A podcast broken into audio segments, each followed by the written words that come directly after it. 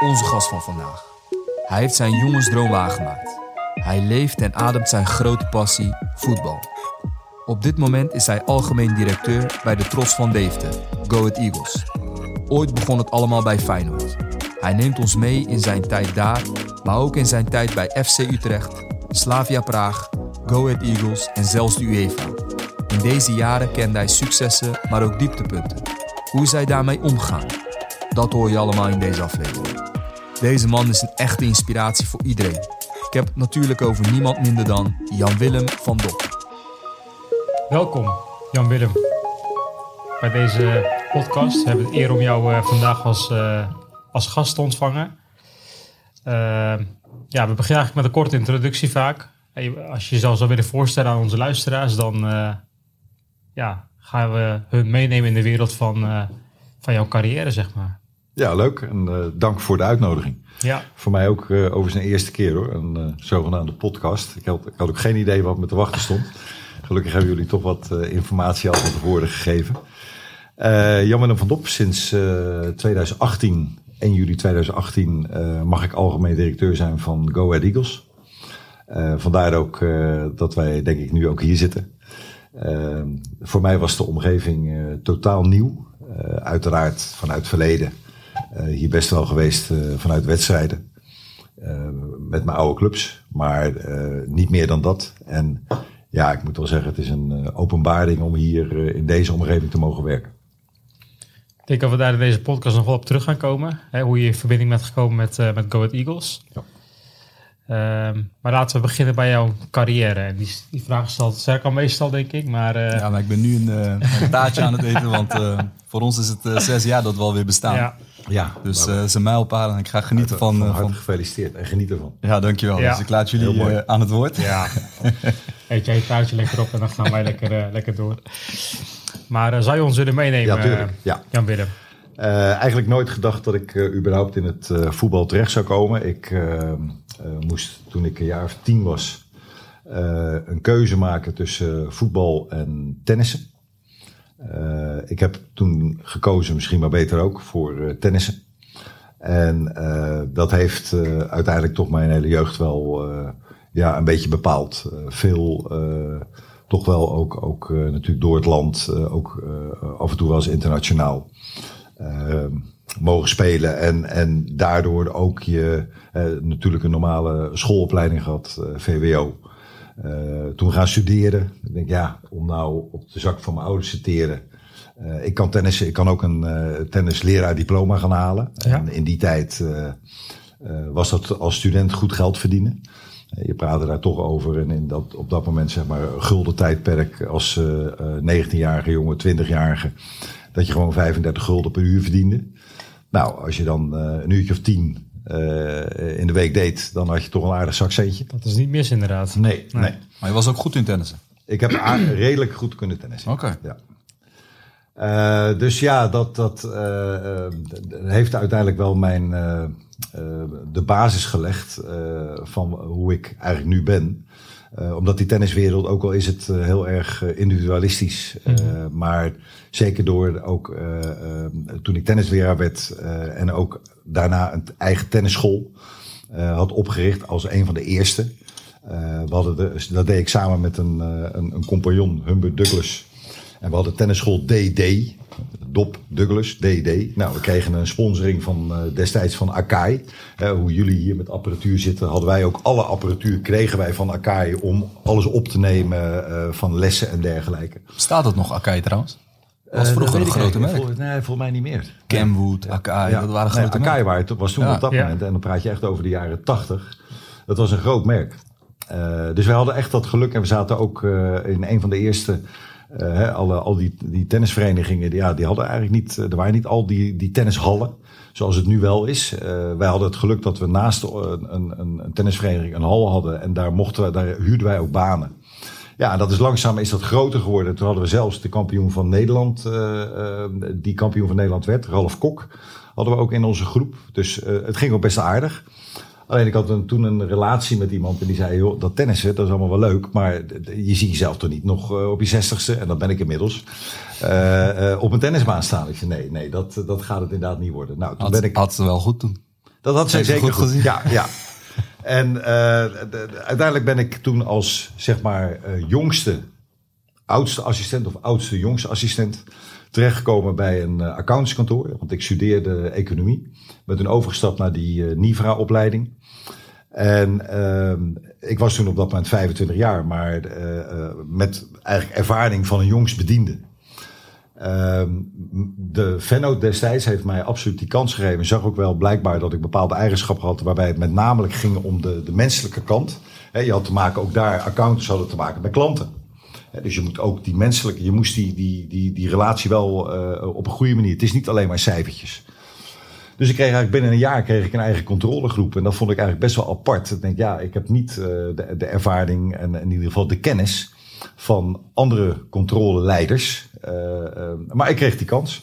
En dat heb ik een paar jaar gedaan. Tot ook wel in de accountancy. het was toen Coopers en Lybrand. Eh, heel erg Amerikaans eh, gericht. En die zeiden, ja jongens, eh, er is hier alleen nog maar plaats voor mensen die ook echt een opleiding gaan afmaken. Nou, ik was eerlijk gezegd niet zo'n studiebol.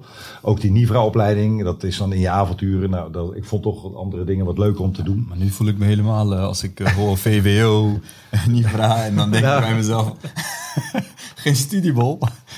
Nee, maar ik heb het niet afgemaakt. Oké, oké. Je kan overal aan beginnen. Ja. Ja. Eh, dus uiteindelijk eh, heb ik, en dat, dat was wel netjes van dat bedrijf, van eh, we kregen anderhalf of twee jaar de tijd. Nou, ik was eh, op dat moment ook lid van eh, een, een ronde tafel, en, en dat is een serviceclub gebeuren. Dat kwam eigenlijk door die tennisschool.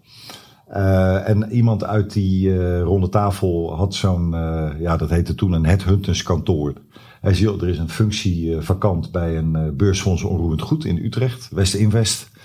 Ehm, is dat niet iets voor jou? Ik zei, nou, ik wil daar graag naar kijken. En eh, ik heb inderdaad die stap gemaakt. West Invest, eh, mooi, mooi pand. Het Paul Kruger pand op de Malibaan. Echt zo'n oud statig pand. Was helemaal gerenoveerd. Heb ik zes jaar gezeten. Alleen dat ging, kwam toen in handen van Zweden. Eh, en dat voelde niet goed. Toen moest eh, de hele organisatie, nou was die organisatie niet zo groot, een mannetje of 15. Maar 14 gingen eruit en ik was de enige die mee mocht omdat ik controller was. En een controller heeft vaak overzicht over alles. Maar ik had toen wel zoiets van, nou, als er nu iets anders op mijn pad komt, dan, dan ben ik hier weg. Mijn vrouw werkte toen bij Jan de Lintelo. Jan Lintelo is een meubelmaker van het bedrijf Lintelo. Nu inmiddels goed bekend. Uh, maar die kwam eigenlijk, uh, was, kwam net kijken. Was uh, oud commercieel directeur van Gelderland en Pastoe. Bekende merken in de meubelbranche. En die begon voor zichzelf. en die, die hield een open huis in Amersfoort. en ik had tegen hem gezegd, joh, maar luister, als je hulp nodig hebt. ik loop er rond met mijn, met mijn bier. Hmm. Dus ik liep daar rond met een blad. En op een moment komt daar binnen Jorien van der Herik. En die kende ik, want ik woonde in ik ben opgegroeid in Zwijndrecht en van de Herik ook. Dus kende de naam natuurlijk als voorzitter van Feyenoord, uh, maar ook de persoon. En uh, dus ik liep naar hem toe, ik zeg, oh, meneer van der Herik, wat leuk. En ik had eigenlijk helemaal geen idee hoe die relatie lag met Jan Talintelo. Maar dat hoorde ik ook later. Uh, en die begon eigenlijk meer dan geïnteresseerd te vragen wat ik deed en wat mijn achtergrond en uh, of ik wel eens bij Feyenoord kwam. Nou, ik kwam in, de, in mijn jongere jaren wel eens een keer bij Feyenoord, niet meer dan dat. Je was toen 334? Uh, ik ben inderdaad op mijn, zeg ik dat goed? Even kijken hoor, 1996. 36 ben ik naar Feyenoord gegaan. 36, ja. oké. Okay. Um, ja, dus met, met Van der Herik uh, een leuk gesprek gehad. En uh, hij zei, joh, ik uh, vind het leuk om eens een keer te komen. En dan nodig ik je uit, dan laat ik eens wat meer zien van de club. Ik dat stel ik zeer op prijs. het kwam daar met mooie kaarten. Ik mocht de bestuurskamer in en ik, ik wist niet wat me overkwam. Er kwamen gewoon die avond tien man op me af. kennis maken, meer dan geïnteresseerd ook. Ik denk, nou, wat is dit voor een vriendelijke club? En leuk. Maar wat ik me niet realiseerde, die hadden allemaal een opdracht gekregen van de Erik. Van er komt mogelijk de uh, uh, nieuwe financieel manager komt uh, vanavond binnen. En ik wil jouw mening, ik wil jouw mening en jouw mening en jouw mening. Over de persoon. Nou, dus dat, zo is dat gelopen. En toen hadden we een, een, een directeur algemene zaken. Want dat was wel heel strikt gescheiden bij Feyenoord. Algemeen directeur ben je eigenlijk overal verantwoordelijk. En zij hadden een directeur algemene zaken en dat was een dame, een vrouw, Nicole Edelenbos. Ehm, nou, die heeft me bij de onderhandeling verder gedaan. Uh, ik weet nog wel dat uh, op een moment moest ik ook nog een assessment uh, laten afnemen. Maar dat was eigenlijk op de dag dat ik toevallig op vakantie zou gaan met een ander stel naar Amerika. Ik zei, nou, dat was de reisdag. Ik zei, dat gaat niet gebeuren. Ik zei, het enige, en dat was de dag na hemelvaart. Maar hemelvaart, ja, is iedereen dicht. Ja. Ik zeg, het kan gebeuren, dan maar op hemelvaart. Dus als jullie wat waard is, dan laat je me die test maar doen op, op hemelvaart. Nou, dat geschiedde ook zo. Toen kreeg ik ook nog een keer het verzoek, want Feyenoord zat op dat moment in een soort trainingskamp in Tampa. Of ik nog even uh, toch tussendoor naar meneer Van der Heer wilde komen in Tampa. Ik zei, dat doe ik ook niet, want ik ben op vakantie. Het is goed, het is me veel waard, maar niet alles. Nou, dat is, blijkbaar is dat goed uh, ge, uh, gevallen bij Van der Herik. waardoor ik uiteindelijk die, dat contract kreeg. Alleen wat ik wel merkte, is dat... er was natuurlijk ook een... Ik woonde in, in Zeist inmiddels. Dus ik moest weer terug naar, naar Rotterdam. Elke dag. Ik zei ja, maar ik wil, uh, ik mag aannemen dat er toch wel een, ook een autoregeling is. Ja, nee, is een autoregeling. Je krijgt een uh, Opel Vectra. Ik zei, ja. prima, Opel Vectra. Het wordt wel een diesel, dus ik kreeg een Opel Vectra diesel 1.6. Kan ik nooit, zal ik nooit vergeten. En er zat zo'n knop op voor de airco. En op het moment dat je die knop indrukte, dan zakte die auto terug in vermogen. En op een bepaald moment, uh, ik kwam er een beetje achter. Ik was wel onderdeel van het managementteam. Maar alle andere managers, of het nou de teammanager was of het was de commercieel manager, die reden allemaal in die grote Omega's. En ik was de enige. En ik potverdorie. Kortom, je moest daar alles verdienen. En daar is niks mis mee. Hetzelfde uh, speelde met betrekking tot het, uh, het clubkostuum. Dat, hè, je, je, elke club heeft, uh, heeft dat, dat fenomeen. En op een bepaald moment werd mij gezegd van ja, ik, ik regel dat wel. Maar het leek wel alsof het gebracht werd dat ik gevraagd had om een clubkostuum. Dus het kwam mij niet af en het interesseerde mij ook helemaal niet. Maar er was wat verkeerde uh, communicatie en wat verkeerde informatie bij Van de Heerlijk terechtgekomen. Dus nou, uh, niet, dus ik, we hadden de eerste officiële wedstrijd en ik zag clubkostuum. Dat werd geleverd door Piet Somers in, in Wilp. heel mooi, Corneliani.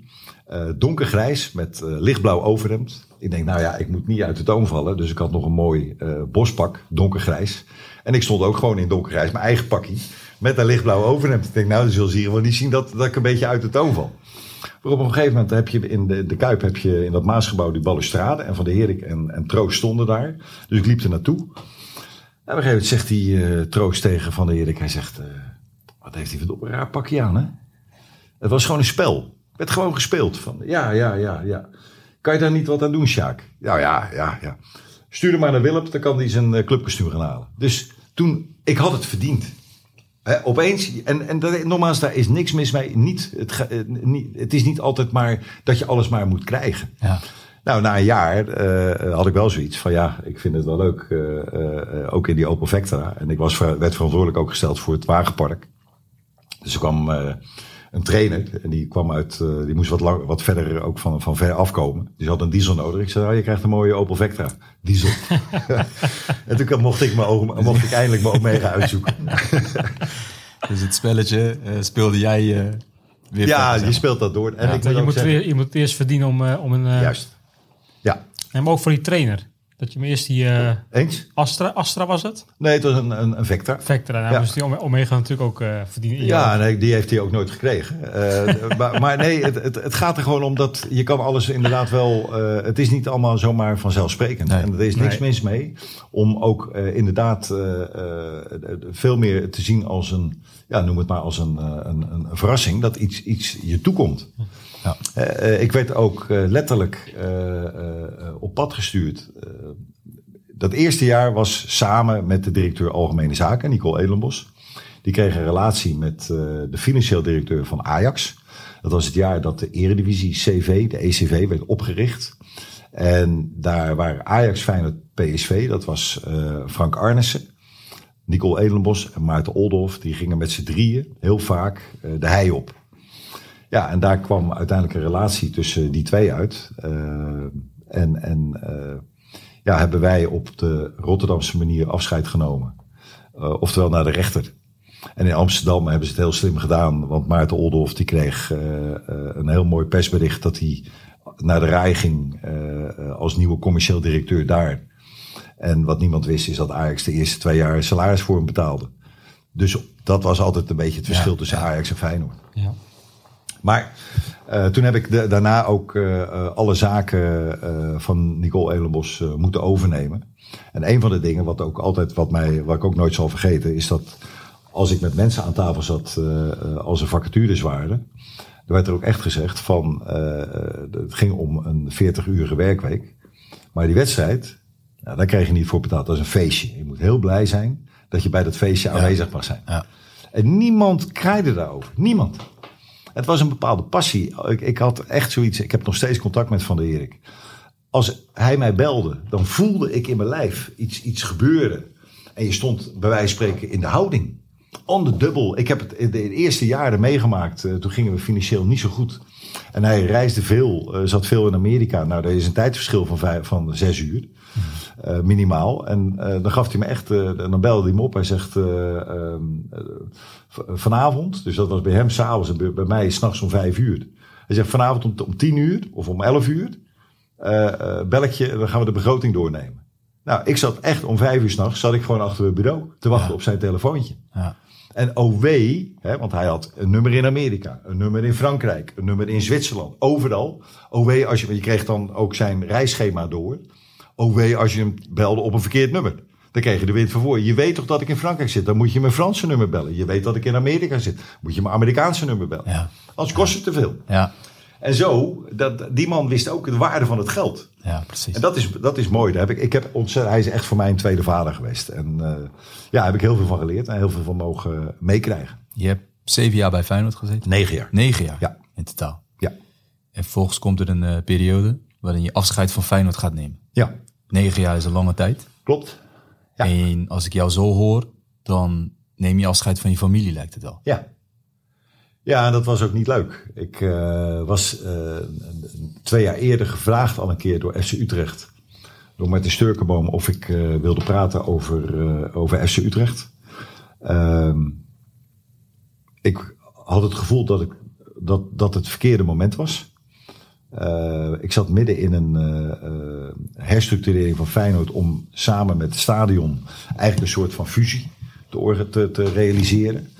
Uh, dus ik heb die, die aanbieding heb ik, heb ik terzijde gelegd. Alleen twee jaar later, toen hadden wij een, een wedstrijd tegen Sporting Lissabon. En daar werd de keeper van Sporting werd bekogeld vanaf de noordzijde. Er werd nog eens een keer een speler bekogeld vanaf de parterre vak, vak W.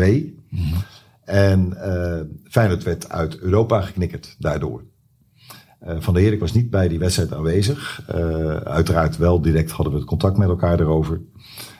we hebben toen gelijk het weekend, we hadden nog van die oude vangnetten voor achter de goal. Die lagen nog in het stadion ergens onder het stof stadion direct opdracht gegeven om die net terug te plaatsen. Want we hadden zondag weer een wedstrijd. We zaterdag zelfs naar het stadion gegaan om te kijken of het allemaal hing. -hmm. En uh, hij zei, ik ben zondag bij de wedstrijd en wil ik je daar verder over praten. Ik zei, is goed. Dus ik kom op het stadion en ik zag toevallig op dat moment de hoofdcommunicatie Jan D. Zwart. die zat achter zijn computer. Sjaak Troost had een afspraak met Van der Herik. Die was klaar. Ik kon naar binnen. En ik had echt het idee, we gaan nu die zaak bespreken. Wat gaan we doen met supporters? Hoe we dat... Hij zegt, nou, wil je even, waar ik je over nodig heb, is uh, deze rekening staat weer op het verkeerde adres. Laat nou alsjeblieft eens een keer die administratie het juiste adres op die factuur zetten. Ik zeg, is dit waar we over praten? Ja, waar hebben we dan verder over te praten? Ik zeg, nou, wat er afgelopen donderdag gebeurd is. Hij zei, oh nee, dat heb ik al besloten. Dat uh, moet je maar even met Jan D. Zwart uh, opnemen. We gaan uh, ik ben uh, in overleg geweest met Chris Woerts. Mm. Chris Woerts, die is al twee jaar weg hier. Waar ben je in overleg met Chris Woerts? Het familievak zat op de tweede verdieping aan de overkant van het ereterras. Dat moest voor het ereterras komen. En de zogenaamde hooligans van het parterrevak, 2500 stuks, moesten naar de overkant. Dus een volksverhuizing van 5000 man. Ik zei, dat meen je niet. Hij zei, ja, gaat echt gebeuren. Op advies van meneer Woerts. Ik zei, ja, die heeft er ook echt kijk op. Ik zeg, maar ik ben er wel klaar mee. Dus uh, dat bericht ging na die zondag uit. Na de wedstrijd. En toen wisten we het al, want we hadden de week daarna weer een thuiswedstrijd. Uh, en na die wedstrijd was al heel veel rumoer in die week. Bleven er van het parterrevak, ik denk duizend man staan. Nou, wij, ik zat altijd achter het ereterras. Op een gegeven moment, alles ging naar binnen. En ik bleef daar nog staan. En ik denk, ja, wat, wat gaan we nu doen? Dus ik ben naar binnen gegaan naar uh, collega Troost. Ik zei, jij bent ook een fijne vent. Ik sta er in mijn uppie. Uh, ja, ja, kan er niks aan doen. Ik weer terug. Ja, ik kan inderdaad twee dingen doen. Of, uh, dat is je later ook gebeurd. Mm -hmm. Een keer, toen ik weliswaar weg was. Of ik ga naar die groep toe. Of ik ga naar binnen en dan gaan ze het Maasgebouw bestormen. Nou, ik heb het eerste gedaan. Twee mensen aangesproken. Gezegd, ik wil heel graag dat jullie gesprekspartner worden. En ik ga proberen dit probleem op te lossen en de maatregel terug te draaien. Maar onder één voorwaarde, allemaal weg. Nou, uiteindelijk is dat gelukt. Het was ook nog een groep van Noord, dat stond buiten. Deze groep moest binnenlangs naar buiten. Uh, bleef weer bij die autopoort staan. Dus ik bij die autopoort zei, ik wil naar buiten. Nou, zegt politie, jij gaat niet naar buiten. Ik zeg, denk het wel. En zonder jullie. Dus ik naar buiten, weer een paar mensen aangesproken. Uiteindelijk is me dat gelukt. Dus iedereen is weggegaan. En ik heb die maatregelen terug kunnen draaien. Maar dat was voor mij het moment, ik denk, als jij niet wil luisteren wat er speelt. Je hebt geen idee wat er speelt onder supporters. En ook nog eens een keer laat adviseren door een of andere marketingman. Die ook geen idee heeft wat, wat er in de kopjes omgaat van supporters. Dan ben ik er klaar mee. En toen heb ik, uh, hadden we vrij snel daarna de wedstrijd uh, FC Utrecht-Feyenoord. En toen sprak ik Martin Sturkenboom. Ik zeg, uh, hoe ver ben jij met, met de club? Zijn er nog, kunnen we nog eens een keer praten? Nou, toen was het binnen een week geregeld. Ja. En je bent je afscheid bij, of in ieder geval je periode bij Feyenoord, die is beëindigd. Niet, niet, niet op een manier eigenlijk die, waarvan je dat had gehoopt.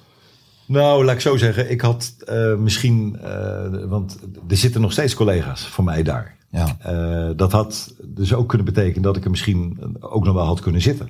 Of dat goed was geweest, weet ik niet. Mm -hmm. Maar ik ben, als ik daar kom, en dat verbaast me dan wel, krijg ik zelfs nu nog van wel eens bepaalde mensen, of het nou uit de veiligheidsorganisatie is, bepaalde oudere stewards, nog steeds te horen van jammer dat je weg bent. Mm -hmm. Nou, Hè, nu zitten we ook weer in een bepaalde fase. Ik heb nog steeds ook vanuit de harde kern contacten. Ja. Eh, die ook eigenlijk altijd wel een, een woordje klaar hebben over die club. Ja, en dan probeer ik daar toch, hè, datzelfde geldt vanuit allerlei geledingen. Paul Bosveld is natuurlijk ook wel, ja. wel een, een, een echte Feyenoorder. Ja. en die heeft ook zijn contacten nog met bepaalde mensen. Ja. En dat zegt iets. Uh, en, en, ja, maar ook, ook, ook bekend als Van Hanegem, hè, die dan achter je staan. Nou ja, dat gebeurde natuurlijk bij, uh, bij Utrecht. Mm -hmm. uh, ik, ben, ik heb die stap toen naar Utrecht gezet. Uh, wat een hele mooie periode is geweest. Een heel vervelend begin. ik was amper binnen. Wel mooi. Ik werd 1 augustus werd ik algemeen directeur. En 1 oktober werd ik benoemd als voorzitter. Dat waren twee gescheiden functies. Ja. En op 2 oktober hadden we de wedstrijd Utrecht-Feyenoord. En die won Utrecht met 3-1. Uh, waaronder twee fouten van Patrick Lodewijks. Uh, en ik zal nooit vergeten dat ik stond in die catacombe achterin. En ik kreeg 21 handen. Eén ontbrak, dat was Lodewijks. Maar die kwam later wel terug uit de kleedkamer om me ook nog even te feliciteren. Oké. Okay. En dat, is, uh, ja, dat zijn dingen die je bijblijven. En, en alleen toen gebeurde er iets heel vervelends bij de club in november uh, het overlijden van David Di Tommaso. Mm -hmm. En dat was in die zin, ik wil niet zeggen mijn geluk, maar ik had nog erg weinig met natuurlijk het, het, het, het, hele familiaire van ja. Utrecht. Ja. En daardoor kon ik, denk ik toch als een van de weinigen, redelijk bij de les blijven. En hebben we iets heel moois uh, uh, kunnen geven aan de familie. Hè? Toch een eerbetoon en een hele mooie herdenkingsdienst in, in de Galgenwaard. Ja, ja, die, heb ik, ja. die heb ik gezien. Ja. En dat is een periode bij Utrecht, denk ik, een jaar of vijf. Ja, ik heb zes jaar, zes jaar, zes jaar. gezeten. 2005, 2011. Elke keer naast, dus ik denk dat jij het woord moet voeren. Dan zeg ik weer... Nee. Ja, zes jaar. drie jaar onafhankelijk. Mm -hmm. uh, ook daarin weer supporters leren kennen. ging ook best wel op een. ging eigenlijk best wel snel. in de zin het, het vertrouwen. Wat, wat je in elkaar moet hebben.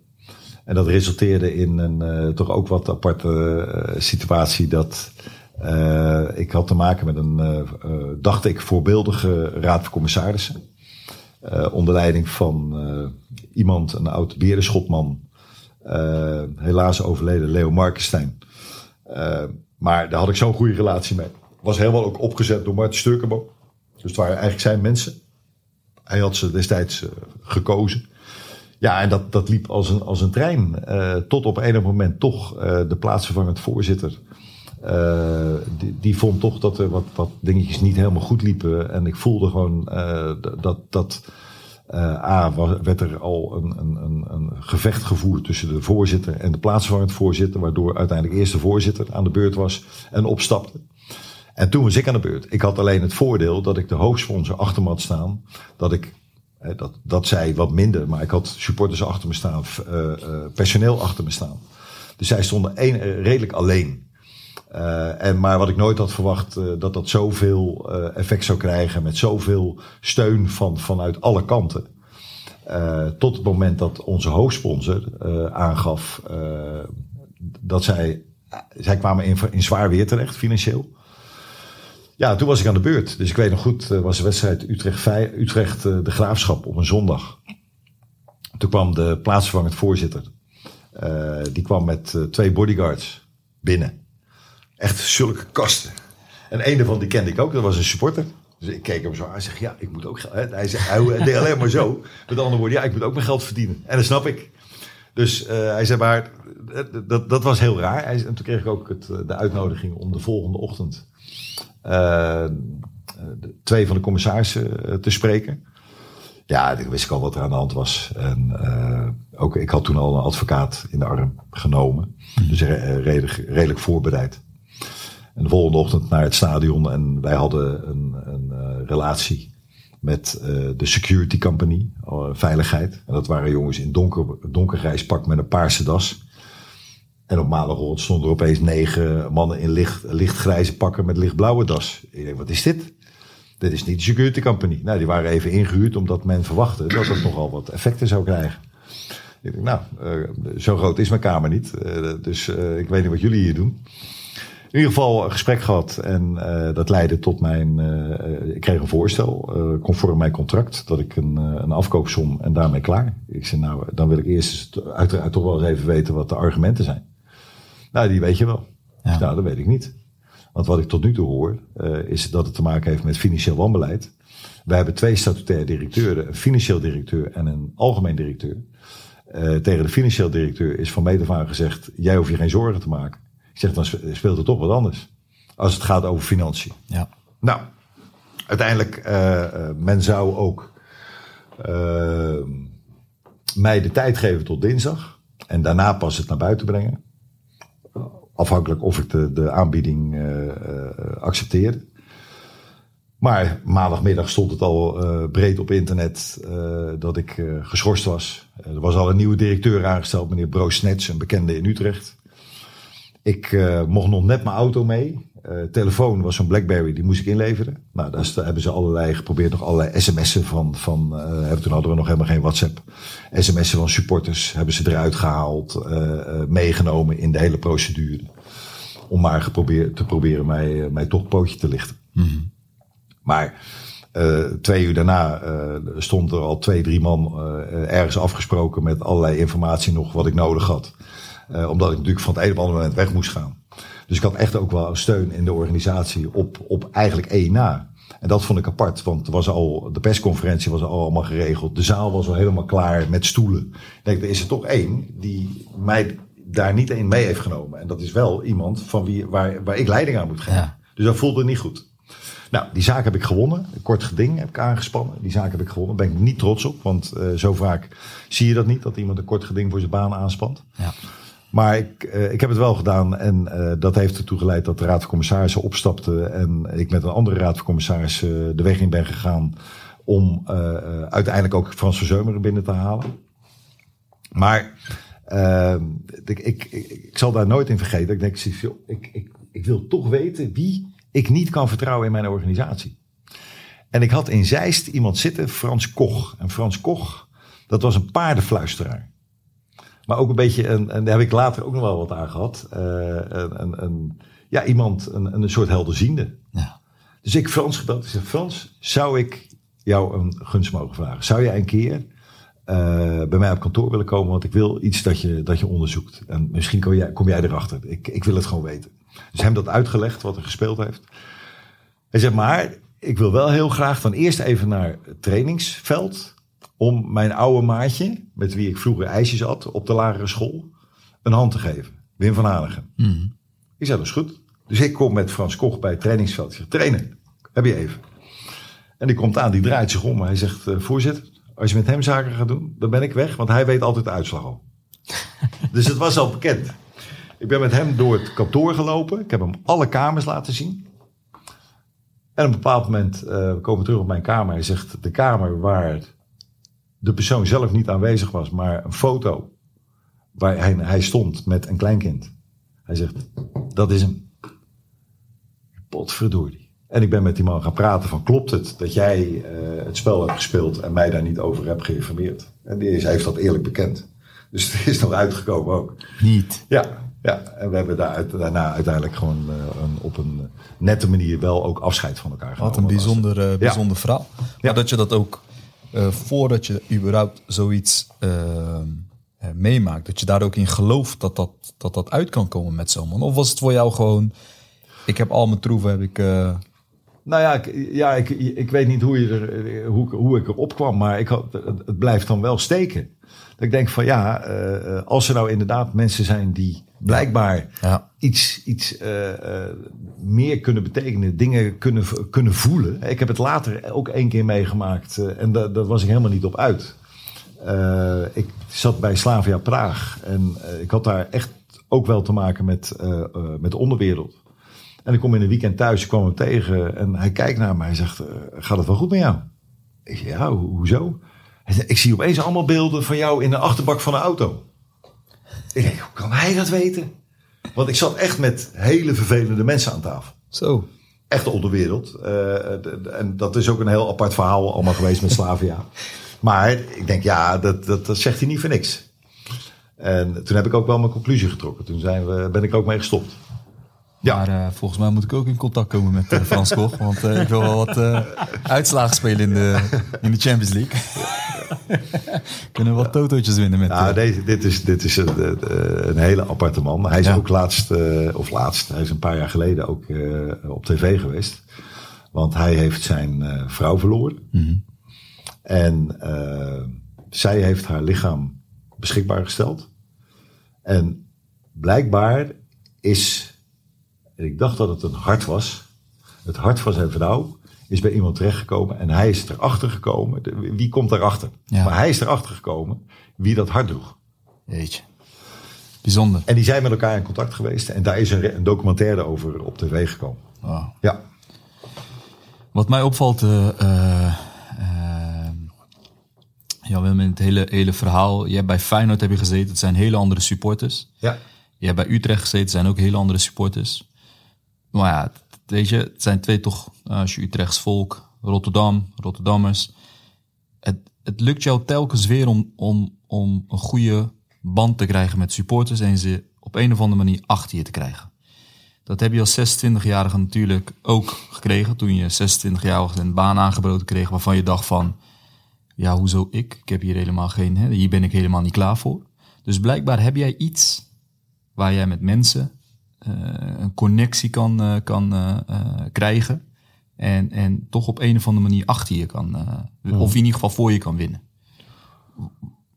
Ik ben wel benieuwd naar hoe, hoe dat is ontstaan. Of ben je daar, ik bedoel, je bent nu met, met je bent 60.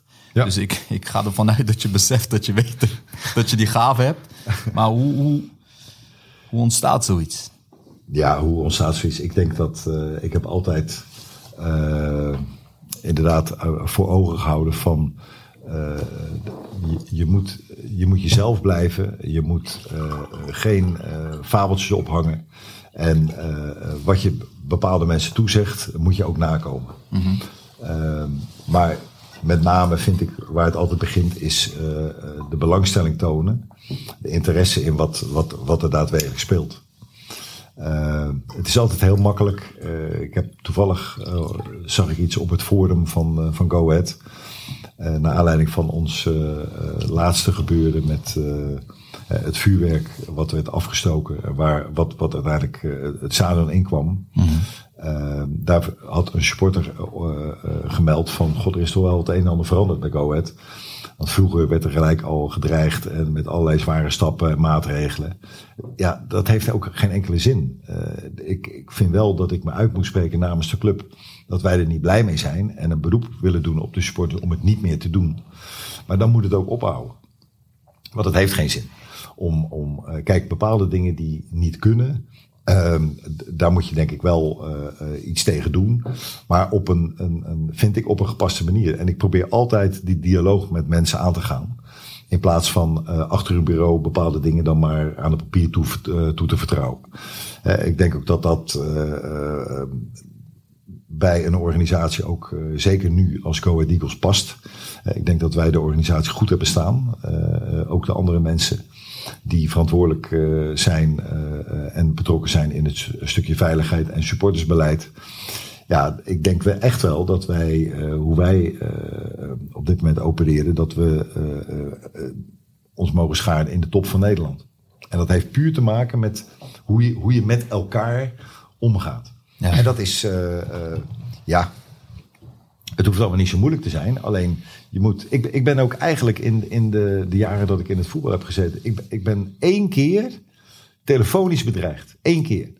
Met een sms'je. Ik denk van, dit vind ik wel heel apart. Van, we weten waar je woont. Uh, en ook de, de straat erin. Uh, ik denk, hé, hey, wacht even, wat is dit? En dat heb ik aan de politie laten lezen. Die zeiden van, joh, wil je aangifte doen? Ik zei, wat heeft dat voor zin?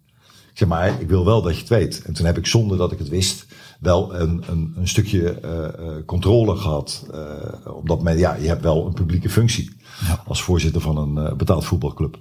Ja. Maar dat is ook de enige keer geweest. Ik heb verder nooit uh, andere zaken, daar waar anderen wel eens een keer, of het nou Gudde bij Feyenoord is geweest, of Martin Sturkenboom die eventjes naar Ajax is gegaan. Dat is ook niet zo slim van hem. Maar uh, ja, die hebben bij wijze van spreken beveiliging thuis gehad. Ja.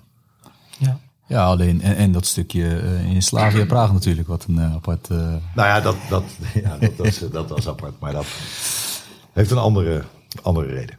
Na Feyenoord, Utrecht. Utrecht eindigt ook. Ja. sta je weer op een punt. Ja. neem je ook een beslissing? Ik was een beetje klaar met het clubvoetbal. Hmm. En ik had eigenlijk zelfs bij, omdat ik dat ik opgegroeid ben met de generatie Paul Bosveld en inmiddels natuurlijk ook bij ons bekend Kees van Wonder. Mm -hmm. Die generatie, Pierre van Hooydonk, Patrick Pauwen, uh, Patrick Lodewijks, dat zijn jongens. Die verdienden ook geld, maar dat straalde daar niet vanaf. Die waren, stonden ook gewoon op een normale manier in het leven. En dat de lol, maar die, die stonden er ook als het nodig was. En ik ging ook wel steeds meer merken in de loop der jaren dat de mentaliteit ook van spelers anders werd. We hadden ook bij Utrecht een salarishuis, salarisplafond van 2,5 ton per jaar euro. En daar kwamen ook wel steeds meer in, in, zeg maar, in die buurt. Maar ook broekies. Ik denk van joh, het, het, het, het voelde niet goed. En ik had toen echt ook wel na drie jaar. Dat, is puur een combinatie geweest. Drie jaar met Frans Verzeumenen snap ik ook dat als iemand die begon met 16 miljoen in een club te steken, die had eigenlijk al een soort van verdubbelaar ingezet dat je dat dan op enig moment ook met uh, uh, uiteindelijk ook eigen mensen wil gaan doen. Dus wij zijn heel goed uit elkaar gegaan. En voor mij was het het moment om ook andere dingen te gaan doen. En ja, dan krijg je in het begin heel veel telefoontjes. We moeten eens praten, we moeten eens praten. Ik weet nog goed, Bert van Oostveen, KNVB, die belde van ja, ik wil graag eens een keer met je praten. Nou prima, nou, uh, we moeten bij wijze van spreken, dat is overdreven, nog bellen. Maar Rob Jansen was op dat moment uh, een van de topmakelaars in, uh, in, in Nederland. Mm -hmm. En die belde mij. en ik zat ook de week daarna, toen nadat het bekend werd, zat ik daar aan tafel. En had ik, vond ik een hele leuke opdracht, omdat hij niks had met zijn kantoor. Hij zegt die transfers vind ik prima. Dus uh, zet mij maar lekker in een vliegtuig uh, en ik ga lekker met de jongens aan de slag. Maar het hele kantoor gebeuren, daar wil ik dat jij dat uh, tot je neemt. En daar kwam een opdracht bij van hem om, om eens te kijken om een soort van IMG-achtig bedrijf neer te zetten. Met andere spelers daarbij. En mensen, hè, iemand vanuit de tv-kant. Kortom, niet alleen maar zaakwaarnemers. Iemand vanuit de vermogenskant. Ja. En daar heb ik een heel mooi plan van mogen schrijven. Dat hebben we uiteindelijk alleen wel in, in de brandkast gelegd. Omdat het toch die niet bleek de juiste partners te zijn. En dat heeft uiteindelijk wel toe geleid dat hij in ieder geval zijn bedrijf heeft verkocht later aan Wasserman. En dat is een IMG-achtig ja. gebeuren. Maar vond je het niet moeilijk, Jan-Willem, om na zoveel jaar uh, bij een club in één keer te zeggen van, weet je, ik, ik, ben er klaar mee en ik ga lekker wat anders doen? Nou, ik vond het uh, inderdaad in het begin was het ook best wel lastig. Dat kwam ook nog een keer, uh, en dat heb ik nooit begrepen. mijn laatste jaar was tevens het jaar dat wij de transfer deden van Dries Mertens en Kevin Stroopman. En dat leverde uiteindelijk een totaalbedrag op van 12,5 miljoen. Waarvan ongeveer 4,5 voor de club was. En het restant was voor Frans Verzeumende omdat wij een soort fofjes hadden opgezet. Een constructie waar elke speler in een aparte vennootschap zat. En hadden we dus op basis van de verdeling van aandelen. Frans had 63%, wij hadden 37%. Dus ook die verdeling van de winst werd zo gedaan. Uh, wij kwamen toen in een. Uh, en toevallig dat ik daar Wilco van Schaik, uh, mijn opvolger, twee weken geleden nog over gesproken heb. Die zich dat nooit gerealiseerd heeft. We kwamen toen in een situatie terecht. in die drie jaar tijd was het ook geen probleem om min vijf, min zes miljoen te draaien. Ja. Vooral, er zijn allemaal investeringen die moeten we doen, dat snappen we. Alleen, het jaar dat ik wegging, toen hadden we te maken met een transfer naar PSV. Daar was uit mijn hoofd KPMG accountant. Wij hadden ook KPMG. De beide spelers waren aangetrokken vanuit het geld, verkoop, opbrengst van de parkeerplaatsen. Dus eigenlijk gemeentegeld, gemeenschapsgeld. En wij wilden dat die transfer, die investering, niet in de boeken van dat oude jaar. Dat moest in het jaar daarna. Hmm. En dat kwam mij eigenlijk heel slecht uit, want daardoor ging mijn resultaat wat beoogd was 5 miljoen, ging opeens naar min 9. En toen kwam natuurlijk de media. Ja, recordverlies voor, voor FC Utrecht. Ja.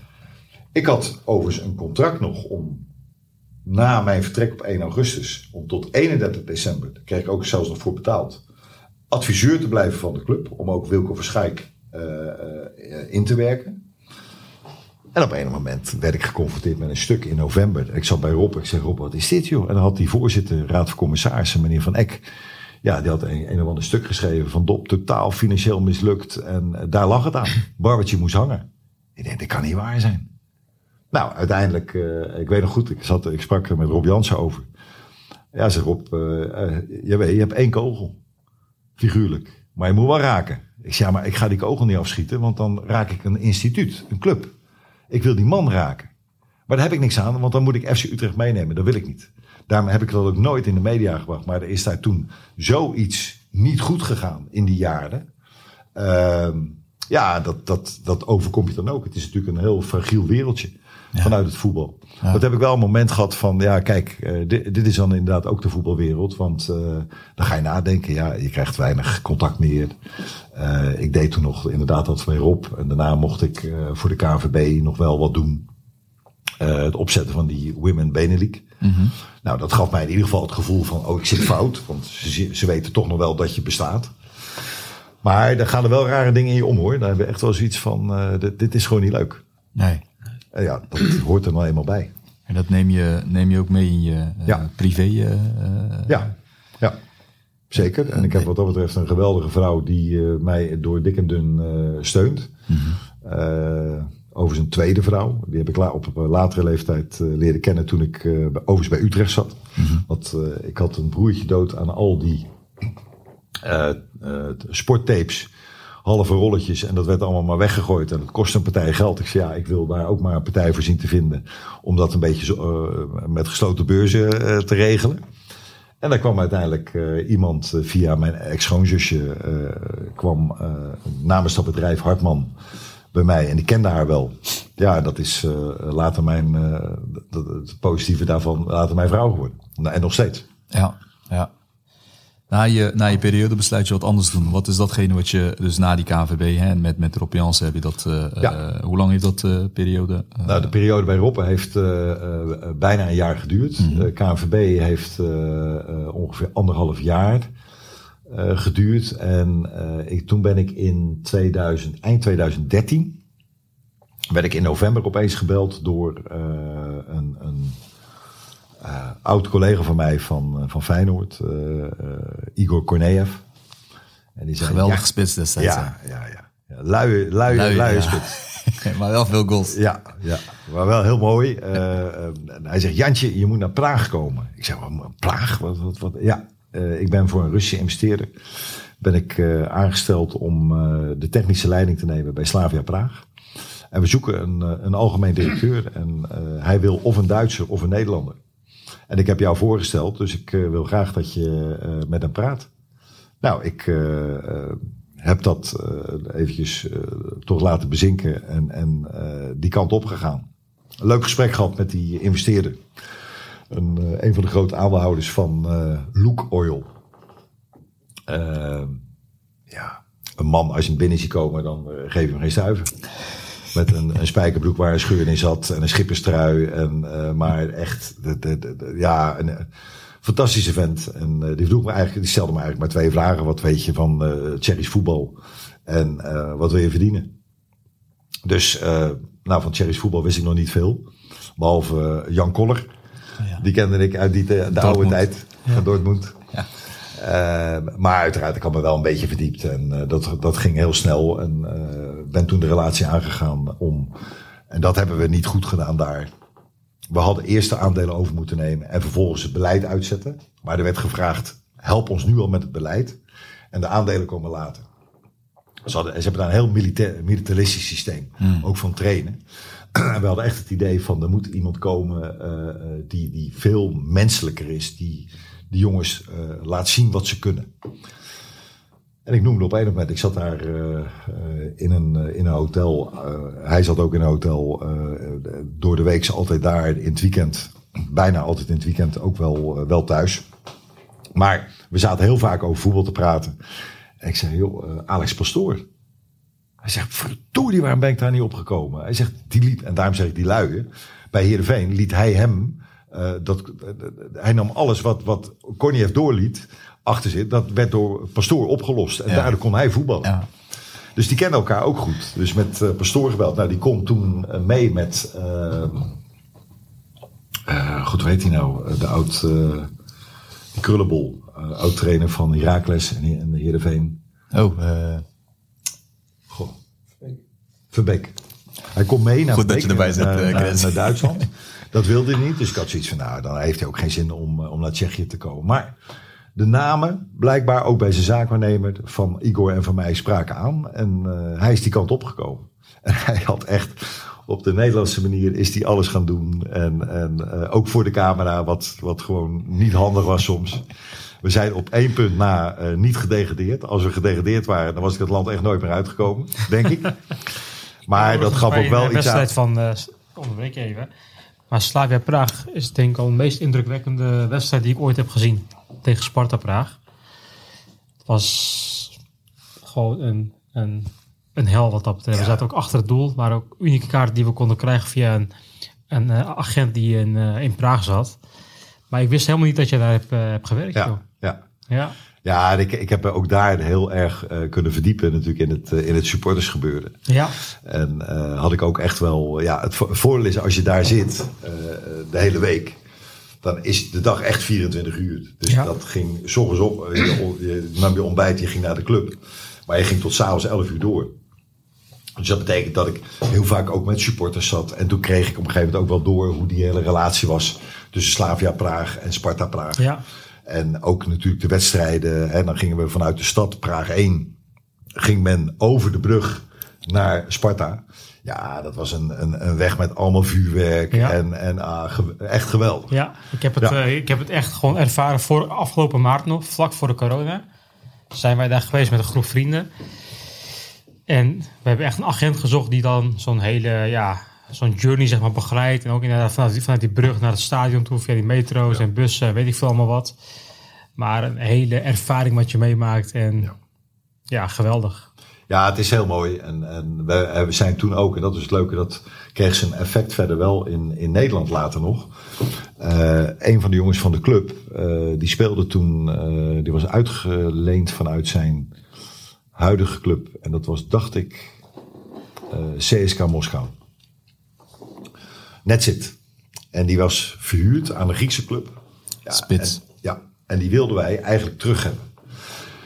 Dat is ons gelukt. Die is voor, uh, er was ook weinig geld. Uh, maar uiteindelijk ook weer met uh, de nieuwe investeerder, die Rus, hebben we dat voor elkaar gekregen. Dus jongen is gekomen. Helaas niet gebracht, maar daarna kwam hij opeens in Nederland. Eerst bij Zwolle en daarna naar ADO. Hè, volgens mij zit hij er nog trouwens. Dat. Maar in ieder geval, we waren wel met van alles bezig. Schmitsen, een, een, man, een jongen van de club Liverpool. Ja. Ah, ik ben met die man uit geweest. Mocht ik mee naar de Legends. Dat waren allemaal oudspelers van Stavia Praag. En dan hadden, zaten we in een soort café, een soort grotachtig idee. En ik, hij zei, kom maar mee. Ik laat het je zien. En dat was zo geweldig. Die, maar die mannen die, die droegen ook een steentje eigenlijk om niet bij. Uh, Smitsen werd opeens werd erbij geschoven bij Pastoor. Om, om hem ook een beetje toch dat Tsjechische verhaal mee te geven. Ja, dat, dat, dat waren, waren echt hele mooie tijden. Hoe lang heeft dat periode voor jou geduurd? Ik ben daar eh, begonnen in december 2014. En ik ben uiteindelijk in september uh, geswitcht. Want toen we met de club er niet uitkwamen. Uh, de eigenaar van de club uh, heeft de investeerder nog geprobeerd om wel het stadion in handen te krijgen. Daar werd ik ook naar voren geschoven. Ging ook lastig. Toen zeiden jij moet met mij, ik heb een onroerend goed portefeuille. Ik wil dat jij die onroerend goed portefeuille gaat beheren. En toen raakte ik wel, dat, dat toen, ja. Ik heb zelfs nog geprobeerd, en we hebben ook een gesprek gehad in, op Schiphol Oost, dat hij met zijn privéjet binnen is gekomen. hadden we contact met de toenmalige aandeelhouders van ADO Den Haag. Want ik had hem geadviseerd, samen met Igor, laten we ons nou richten op een Nederlandse club of een Belgische club. En ADO zat toen nog niet in handen van de Chinezen ik weet nog goed dat de toenmalige eigenaar, daar had ik goed contact mee. Ik, ik, had ook alle informatie van ADO. Dus we waren echt serieus met die club bezig. Uh, en toen speelde er iets in, in China. Hij moest in dat jaar, in november, moest hij naar China toe. En toen was het een go of no-go. En uiteindelijk werd het een go. Maar als een no-go was geweest, waren we denk ik doorgegaan. Met, en hij ging alleen, en dat was het nadeel.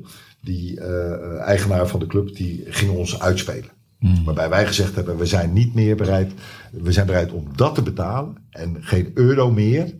Je kan ook komen, ja, de Chinezen doen dit, ja, dan ga je maar lekker naar de Chinezen. Ja. En uiteindelijk is het naar in Chinese handen terechtgekomen. Maar dat weet ik wel. En toen voelde ik me ook niet meer zo, zo prettig in die omgeving. Uh, als geld geen rol speelt. Uh, ik moest naar Monaco. Nou, dus ik alles geregeld, hotel geregeld. Ik zit nu toevallig op ZDoc, zie je opeens een hele mooie documentaire over Monaco. Mm. Nou, ik heb dat ook even een paar keer mee mogen maken, maar er is helemaal niks aan. En op het moment dat je dan daar zit en je zit daar twee dagen en je zou op dag drie een, een, een meeting hebben. Uh, we hadden het nadeel dat op een moment een vlucht uit Nederland, want die van de Kallen, die zou naar Monaco komen. Maar die vlucht die werd eruit gehaald. Zou een nieuwe datum komen. Hij zei, blijf jij hier, want ik moet jou toch nog voor wat anders hebben. Dat ging over een hotel. En dat duurde. En een dag later zei hij, ja, dat wordt toch niet vandaag, wordt morgen. Ik weer bijboeken. Ja, het maakte niet uit wat het kostte. En dat ging mij ook wel tegenstaan. Ik denk, ja, dit is misschien niet helemaal uh, waar ik door mee wil gaan in, in deze omgeving. Dus toen uh, zijn we als goede uh, vrienden uit elkaar gegaan. Ik heb met Korniev nog steeds contact. en we hebben ook nog samen nog wat, wat andere dingen. We zijn gevraagd om in contact te treden met Boersa-spoor. Mm vanwege dat hele mooie stadion in de vorm van die krokodil. En ja. die kwamen er niet uit.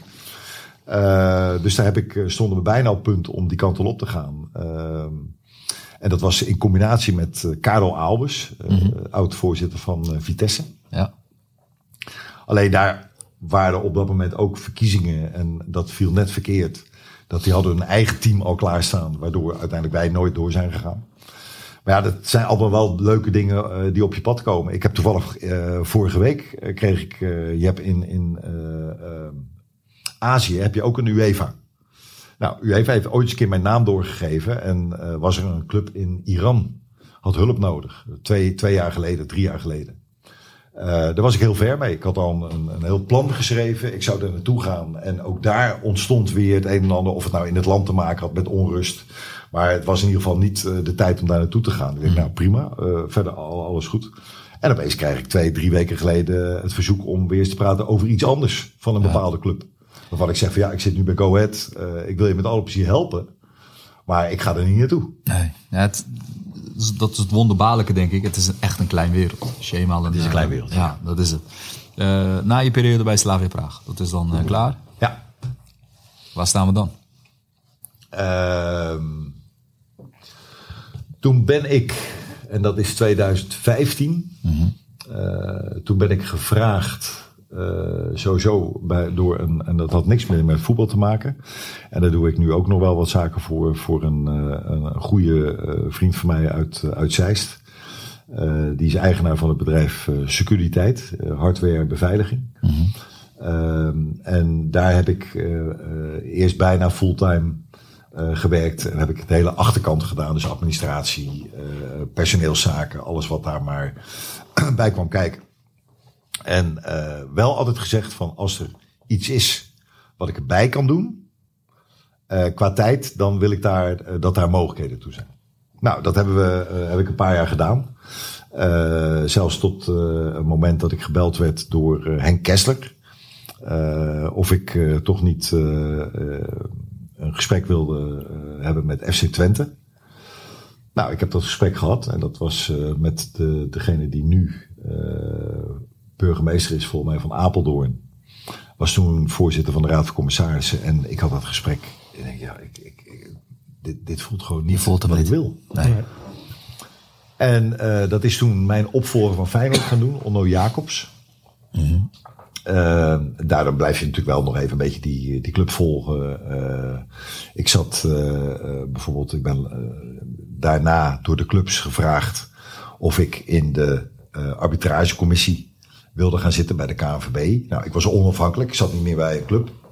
En daar heb ik bijvoorbeeld ook zo'n zaak mogen doen uh, van FC Twente met Tadic, transfer Tadic. Ja, als je dan ziet wat, wat daar allemaal gebeurd is, dan, uh, dan heeft ook Jacobs daar een hele lastige en moeilijke dobber aan gehad. Om dat allemaal uh, recht te breien. Mm -hmm. En ik heb nu, ik ken Paul van der Kraan ook al jaren, die is in 96 ook begonnen in het voetbal. Volgens mij was het toen destijds nog bij RBC. Uh, RBC, ja. ja. Dat was ook ja. een mooie clubje, ja. hè? Ja. Wie was die spits ook alweer bij RBC?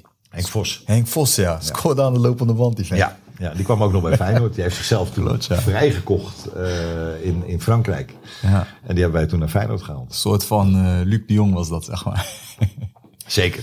Ja, dus uh, ja, in die zin uh, heb je nog wel. Dat, dat vind ik wel het goede. Dat er bepaalde. Uh, gelukkig nog wel mensen ook rondlopen in het betaald voetbal.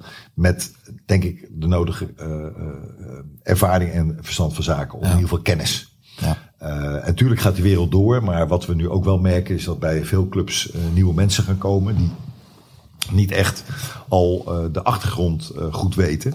Dat hoeft ook niet altijd, maar je moet je wel denk in een, heel, in een sneltreinvaart gaan verdiepen wat er allemaal speelt. Ik mag nu nog uh, iets doen voor uh, justitie in combinatie met de KNVB, waarbij het gaat over, hebben wij het al wel eens eerder over gehad volgens mij, het verhaal van racisme. Dus ik moet nu 31 gemeentes af waar betaald voetbal wordt gespeeld. Om te kijken of men is voorbereid. Ik was zeer verrast op, uh, over het bericht vandaag uh, uh, op, op het nieuws. dat er drie, in het amateurvoetbal inmiddels 93 meldingen zijn gedaan op het gebied van racisme en discriminatie. Elke club die ik nu spreek, zeggen ze allemaal, bij ons speelt het niet. En dat is denk ik toch niet waar. Je hoeft het niet altijd te zien als racisme. Je kan het ook zien als achtergesteld voelen. Het is maar welk, welk woordje die je eraan verbindt. En uh, daar is het zelfs zo dat, uh, uh, het voorbeeld heb ik jou, heb ik jullie een keer voorgehouden. Hè, dat ik vond het heel apart in een stad als Deventer met 14.000 mensen uit de Turkse gemeenschap. Dat er heel weinig binding is met Go Ahead. Ja. Ja. En ik heb me daar gewoon simpelweg in verdiept. En ik ben naar die moskee gegaan. Ik heb contact gelegd met het bestuur. Ik heb daar nog steeds contact mee. En dan hoor je ook van, ja, ja wij voelden ons eigenlijk wel... Hè, het Turkse kracht kwam daar op een moment ook om de hoek kijken. En die zeiden, ja, we hebben eigenlijk Ahead nooit gezien. Frappant hè, dat dat tot nu toe niet op deze manier is gebeurd. Ja. Nou ja, daar was ik ook eh, inderdaad even stil van. Ja, Ja. ik ook. En, en dat, dan ben ik misschien eh, een rare, maar dan vind ik ook eh, dat je daar zo snel als mogelijk veranderingen aan moet brengen. Ja. En dat hebben we denk ik ook gedaan. Erik Witty heeft dat goed opgepakt. Eh, en en zijn er gewoon goede contacten. Het hele verhaal over Rieder Renk. Daar werd, dat was zo apart. We hadden een, een, een, een presentatie georganiseerd vanuit de amateurs. Weliswaar bij ons in de lounge. En daar kon je voor inschrijven. En een van de mensen die zich had ingeschreven was, een journalist van de Stentor. dus er werd ook nog gezegd, jongens, wat hier vanavond besproken wordt, hou het binnenskamers. Ja, nee, iedereen zei. Nou, we waren nog niet uit. Er stond al een stuk op internet wat er allemaal besproken was. En dan was die man van, hè, eh, eh, Theo, weet ik nog goed, die was eigenlijk nog wel enigszins verbouwereerd. Ja, ja, maar Theo, als je nou weet dat er een journalist zit, dan had je dit ook kunnen weten. Maar eh, daarna werd ook gesteld van, ja, Turkse kracht, moet, daar moeten we maar even niet mee gaan praten. Ik denk, ja, dat voelt niet goed. Nee. Dus ik heb de volgende dag, heb ik toch een van die twee bestuurders met wie ik ooit gesproken heb, heb ik gebeld. En gezegd, joh, je kan dit nu lezen in de media, maar we willen jullie heel graag uitleg geven wat onze bedoelingen zijn. Ja. Want natuurlijk, jullie zijn een speler van de Riederenk op dit moment, met de amateurs en Gazelle hè, en Davo. Dus je, je, je bent op een moment een keer een, een gesprekspartner. Ja. Welke kant het ook opgaat. Ja, en dan hou ik, maar, hou ik toch meer van gewoon de openheid om het dan maar op voorhand met elkaar te bespreken. We hebben het heel veel over Go Ahead gehad. Daar zit je nu. Nog niet zoveel hoor. Nou ja, goed. eh, We beginnen pas. Oké, eh, oké. Maar ehm, op een gegeven moment komt Go Ahead. Want dat is een mooie brug eh, daar naartoe. Ja. Die komt op je pad. Ja, Ervaring Feyenoord. Eh, hoeveel man eh, werkt daar? 100 man. Eh, Utrecht. nou, Eh, ook eh, heel ja, veel. Feyenoord in ieder geval- 200, Utrecht 100. Ja, dat bedoel Ja. ik. Slavia Praag heb je gezeten. En dan, dan komt, met alle respect, komt Go Ahead. Ja. Eh mannetje of 15 denk ik dat er nu werkt. 20. Als je kijkt naar... Nou ja, als je de spelers meeneemt, alles erop. nee, maar niet, niet de spelers. 50. Maar dan heb ik, heb ik echt puur over de... Ja, ja, orga- 16, 16 17 man klopt. Dat bedoel ik. Niet dat bedoel ik. organisatie. Nee, precies. Meerdere petten op. maar die komt dan op je pad. En, Ja. en jij beslist om... om ja, eh, ik noem het eh, eh, uitdaging aan te gaan. Wat is daar de reden voor geweest? Nee, nou, een, een, eh, ik, ik kreeg op een moment eh, weer het contact met, eh, met Paul, Paul Bosveld. En ja, die, die nodigde me uit om eens een keer toch een kop koffie te drinken. Want hij was in de fase dat hij vanuit technisch adviseur zou worden aangesteld als technisch manager. Dus een officiële rol. En hij zei wel van, ik zou het zelf wel heel eh, graag willen doen eh, met, met, met mensen die ik niet alleen vertrouw, maar ook van, met bepaalde ervaring. Eh, en zei maar, ik, het enige wat ik graag zou willen is dat jij eens een keer ook een kop koffie drinkt met Hans de Vrome. Nou, dat is, is gebeurd. En er was ook eigenlijk al direct een klik met, met Hans. En Hans zei alleen van ja, dit seizoen, en dan praat je over het seizoen 18-19. Hij zegt ik eh, zie alleen eh, op dit moment niet echt mogelijkheden. Misschien moeten we dat in het seizoen maar eens een keer iets gaan oppakken. Want ik heb eh, inmiddels wel nog steeds de taken goed verdeeld met Edwin Lucht. Edwin is voorzitter. Ik ben eigenlijk directeur. Eh, dus ze hadden dat in principe verdeeld. En, en ik zei op Hans, ik vind het prima. Ik hoor het wel als, als, als er iets gaat spelen. En dat gebeurde eerder dan ik had verwacht. Want we hadden volgens mij in april een, eh, een gesprek. En in, eh, in juni kwam het bericht naar buiten dat eh, Edwin Lucht opstapte. En hij belde. Hij zegt, ik wil nu echt wel toch nog een keer een gesprek met je hebben. Ja, toen was het ook binnen eh, de korte, korte tijd was het, was het geregeld. Hij gaf simpelweg aan, dit is het budget, maar je hoeft het niet fulltime te doen. Het is, een inschatting is twee dagen. Ik zei, nou ja, budget is prima. Maar laat mij de, de uren zelf maar invullen. Want dat wil ik toch eh, ervaren. En ik had sowieso al zoiets van, ik wilde elke dag zijn. Plus de wedstrijden. Uh, en natuurlijk ga je dan meer uren maken, maar dat is ook uh, dat, dat is het verschil. Ik heb drie weken geleden nog een hele discussie gehad met een groep Roemeense scheidsrechters bij de wedstrijd Dynamo Kiev tegen Juventus. Waarbij de jongens ook zeiden van scheidsrechters, scheidsrechter zijn is mijn passie. -hmm. En als je dan de volgorde vraagt is nummer één staat scheidsrechter zijn, nummer twee familie en nummer drie werk. Ja, maar op het moment dat je, bij mij is dat misschien ook wel zo. En daar heb ik ook de fouten in gemaakt. Eh, dat heeft me een huwelijk gekost. Uh, mijn hele fijne tijd. Uh, dat inderdaad, je, je maakt uren voor je passie. Natuurlijk is dat voetbal, is, is, is, is ook mijn passie. En dat maakt het ook wel steeds heel erg leuk. Ik moet ook zeggen dat ook de, de ik, ik heb het eerste jaar moeite gehad om alles echt wel de aandacht te geven wat het verdiende. Dat mhm. kon ik niet als je een beperkt aantal uren daar maar toch voor werkt. Dus ik moest wel bewust keuzes maken. Commissie, veiligheid, supportersbeleid. Uh, en, en daardoor, bijvoorbeeld MVO, heb ik echt uh, enigszins terzijde moeten leggen. Uh, financiën lag meer in handen van Martijn Hegeman. Mm -hmm. terwijl het wel altijd mijn interesse heeft. Maar op een gegeven moment kan je, je kan niet alles.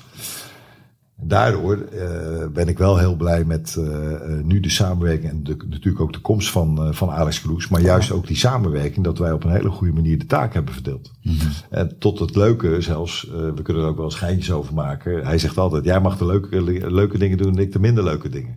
Dus elke keer als er dan weer wat moet gebeuren, hè, en, dan zeg je, ja ga jij maar, want je weet, hè, jij mag de leuke dingen doen. Wat natuurlijk niet altijd zo is. Nee, maar het geeft aan hoe die relatie op dit moment is. We, we vertrouwen elkaar, eh, we, we snappen elkaar.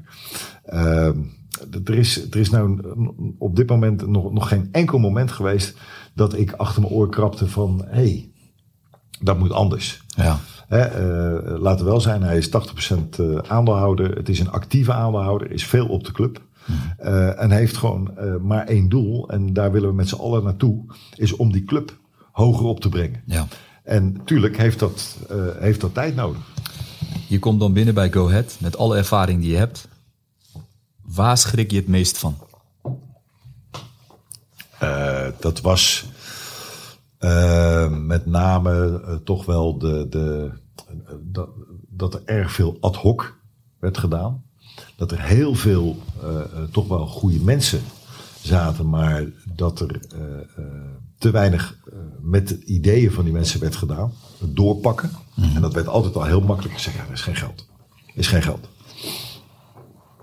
En we zijn wel langzamerhand, en dat komt misschien ook niet anders vanuit de situatie toen ik kwam, hadden we een, een, een tekort van, van zes ton. Ja, dan is het logisch dat je niet gaat uh, reserveren om, om maar allerlei dingen uh, te investeren in een organisatie. Dat is ook wel een van de redenen, denk ik, geweest waardoor de twee voorgaande promoties niet helemaal goed zijn gegaan. Omdat met name die niet-voetbalorganisatie daar ook niet klaar voor was. Mm dat kreeg je ook wel steeds meer te horen vanuit de, de markt. dat er heel veel op commercieel vlak niet goed ging. Hè, dat men uh, vergat dingen te factureren, dat soort dingen meer. En dat, dat, is, dat is dood en doodzonde. Maar dat had puur te maken met uh, de kwaliteit en, en de kwantiteit.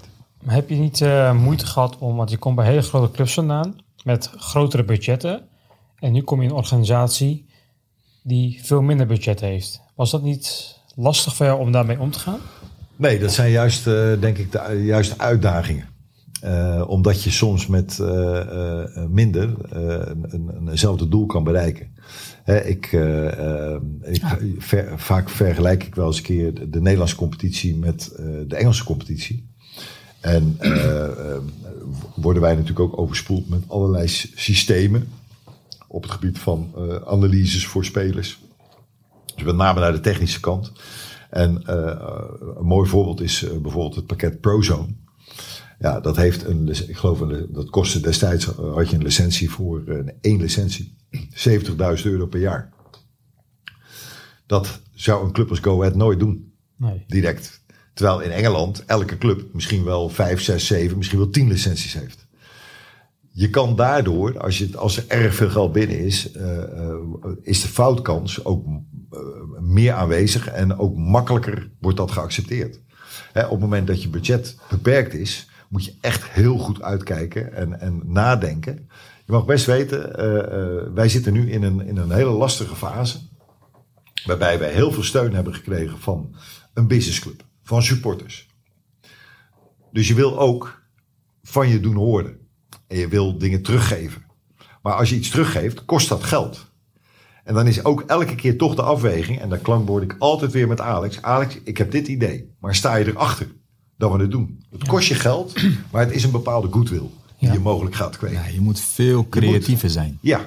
Met, met je uitgaven. En als jij veel hebt, dan geef je het ook makkelijker uit. Daarom. En of je dan vijf licenties nodig hebt of niet nodig hebt, ja, je kan het toch uitgeven. Dus dan, dan gaat het. Dus je moet wel creëren. Maar ik vind het wel een mooi, mooi punt van, uh, van, van Moerad. En dan, en dan ben ik niet op zoek naar politiek correcte antwoorden van jou, Willem. Maar het brengt wel frustratie met zich mee, toch? Dat je dan bepaalde dingen die je, goede ideeën die je hebt, dat je dat niet, kan uitvoeren. Lijkt mij tenminste. Nou ja, wat, je, wat je wel eens uh, uh, hoort, omdat je natuurlijk met veel mensen praat. en er zijn heel veel mensen met een heel goed hart en groot hart voor die club. En die confronteren je natuurlijk best wel eens een keer met, met hun mening. Hoe zij tegen die club aankijken. Ik had het toevallig, gisteren had ik nog een sponsor aan de lijn. Hij zegt, het zou, het is toch dood en doodzonde dat Go Ahead nog steeds niet de commerciële slagkracht heeft om bijvoorbeeld Apeldoorn te veroveren. En die zegt letterlijk, uh, ik zou er niet over na hoeven te denken. Ik zou gewoon, al kost het 60.000 euro per jaar, zet één iemand op Apeldoorn. Ja, dat is heel leuk gezegd, uh, maar dat, dat, dat, dat past niet in het gebeuren. Wij zijn al, uh, we hebben nu net dan weliswaar de cijfers bekendgemaakt. En los van die NOW-regeling zouden wij met een klein plusje uitkomen. Als je dan ziet dat we van min 6 ton naar een klein plusje zouden, zouden uitkomen. Dat is puur alleen maar omdat wij, wij, wij willen dat dat bedrijf dat die continuïteit er blijft. En dat we niet elke keer in een bepaalde gevarenzone zitten. En soms mag je best wel eens een keer uh, een, een, bepaalde investering doen, omdat dat noodzakelijk is. Maar liever zit je in de situatie waar je nu in zit. Ja. Dat je ook op dat moment weet. En tuurlijk, wij kijken nog steeds naar een tienjarenplan. Dat wij op een moment hopen weer in de eredivisie te komen. En dat gaat ook echt gebeuren. Ja, het, het, het moeilijke lijkt mij, kijk, uh, voetbal is ook een organisatie. Maar het hangt wel altijd af van die elf die presteren. Tuurlijk. Dat is gewoon een feit. Ja. Dus je wil de supporters wil je gaan pleasen. de supporters willen mooi, uh, mooi voetbal zien, resultaat zien. Business club wil je ook gaan pleasen. Dat ja. zijn je investeerders, uh, die, die geven om de club. Uh, en intern heb je ook natuurlijk mensen die die club moeten leiden. Ja. Dus die moeten ook gepleased worden. Het is allemaal wel leuk dat dat elke keer vanuit goodwill allemaal gebeurt.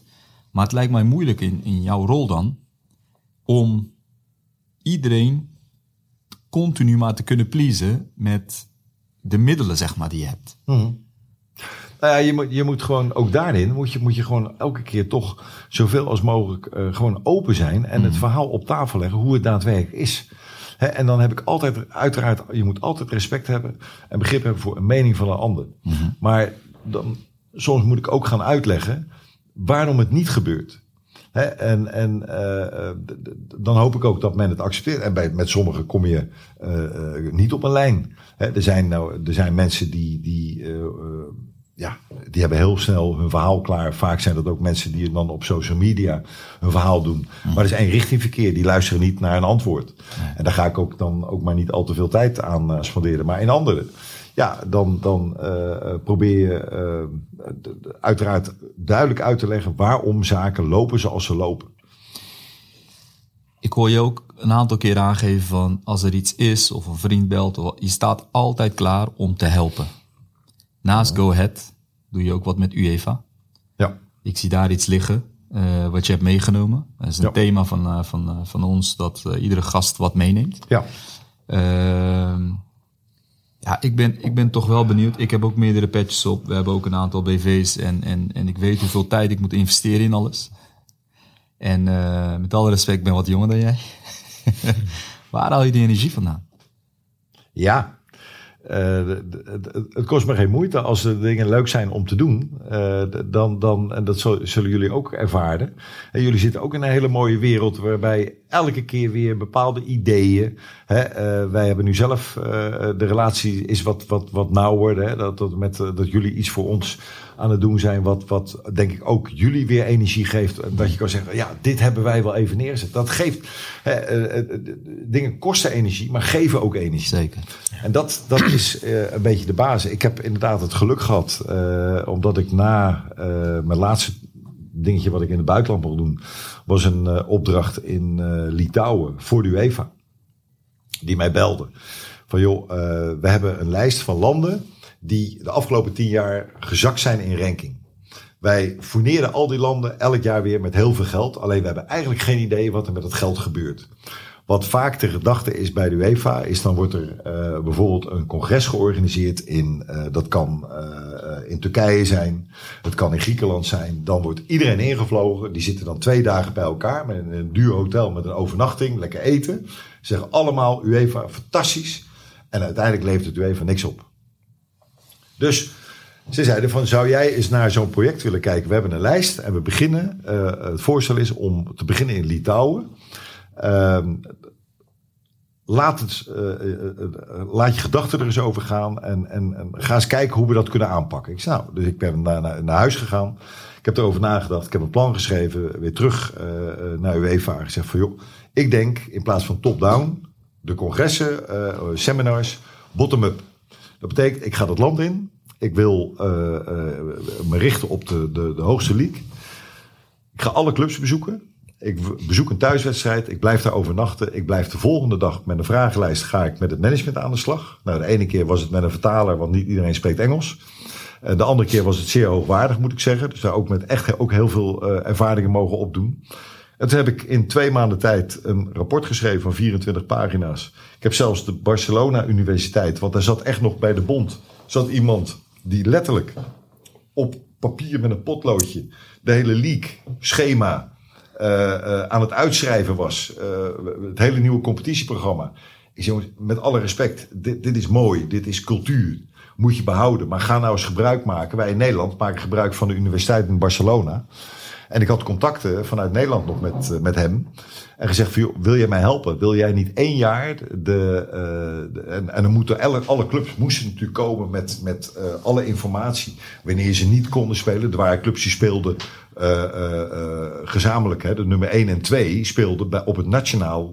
op het veld van het nationale el- elftal. Eh, bij de bond. Nou, die konden nooit za- gezamenlijk thuis spelen. Dus al die obstakels, dat moest. En dat werd, daar heeft die, die, die eh, Barcelona, de Universiteit Barcelona heeft ook gezegd: Oké, ik wil het één jaar doen. Eh, dan laat ik ze voelen. En, en eh, dan wil ik wel weten wat het gaat kosten. als als zij met ons door willen gaan. En ik moest dat gaan uitleggen aan, aan oud-dienders. Van joh, Ja. jij doet je werk echt wel goed. Maar het kan beter. Het kan Ja. makkelijker. Ja.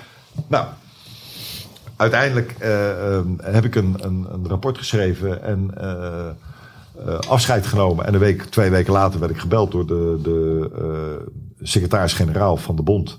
Hij zegt, zou jij willen terugkomen? Want eh, we hebben toch wat moeite om jouw advies uit te rollen. Dus we hebben, je hebt je hulp nodig. En toen heb ik er bijna nog drie kwart jaar gezeten. Zo. En dat was erg leuk om te doen. En op dat moment speelde eigenlijk een beetje dat verhaal. Elke bond mag iemand voordragen eh, om delegate te worden. En ik had nog wat contacten, ook met Nederlanders binnen UEFA.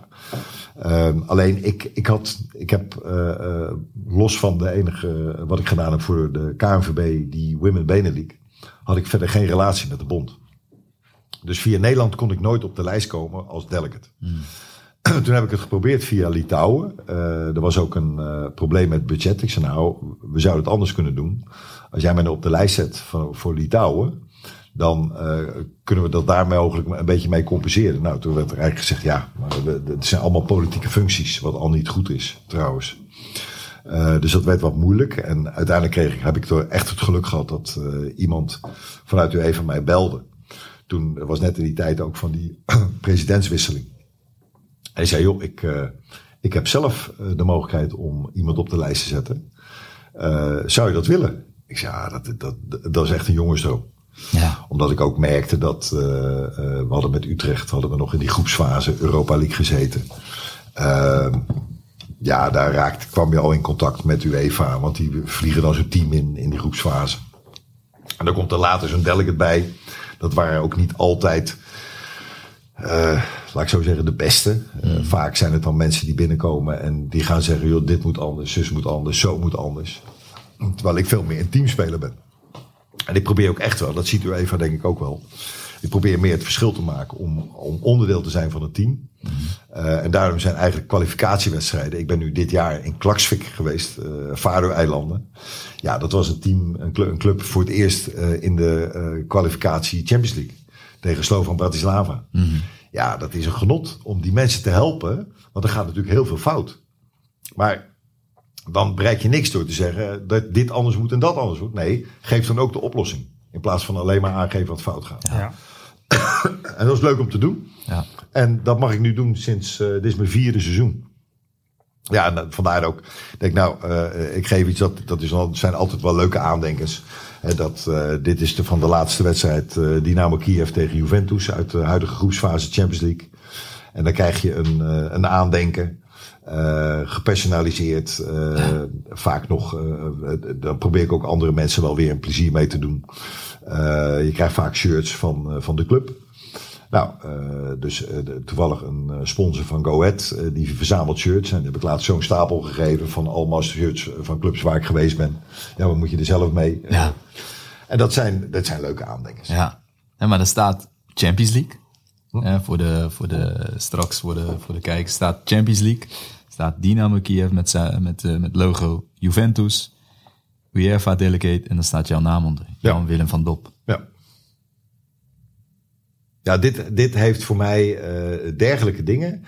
Uh, dat kan ook wel eens iets anders zijn. Uh, of het nou een, een, kleine schaal is. Wat ja. een aandenken is aan die wedstrijd. Ja. En dat vind ik, uh, de, de, daar hecht ik inderdaad altijd wel. Ik verzamel die dingen ook altijd. Ja. En, en, dat vind ik mooi.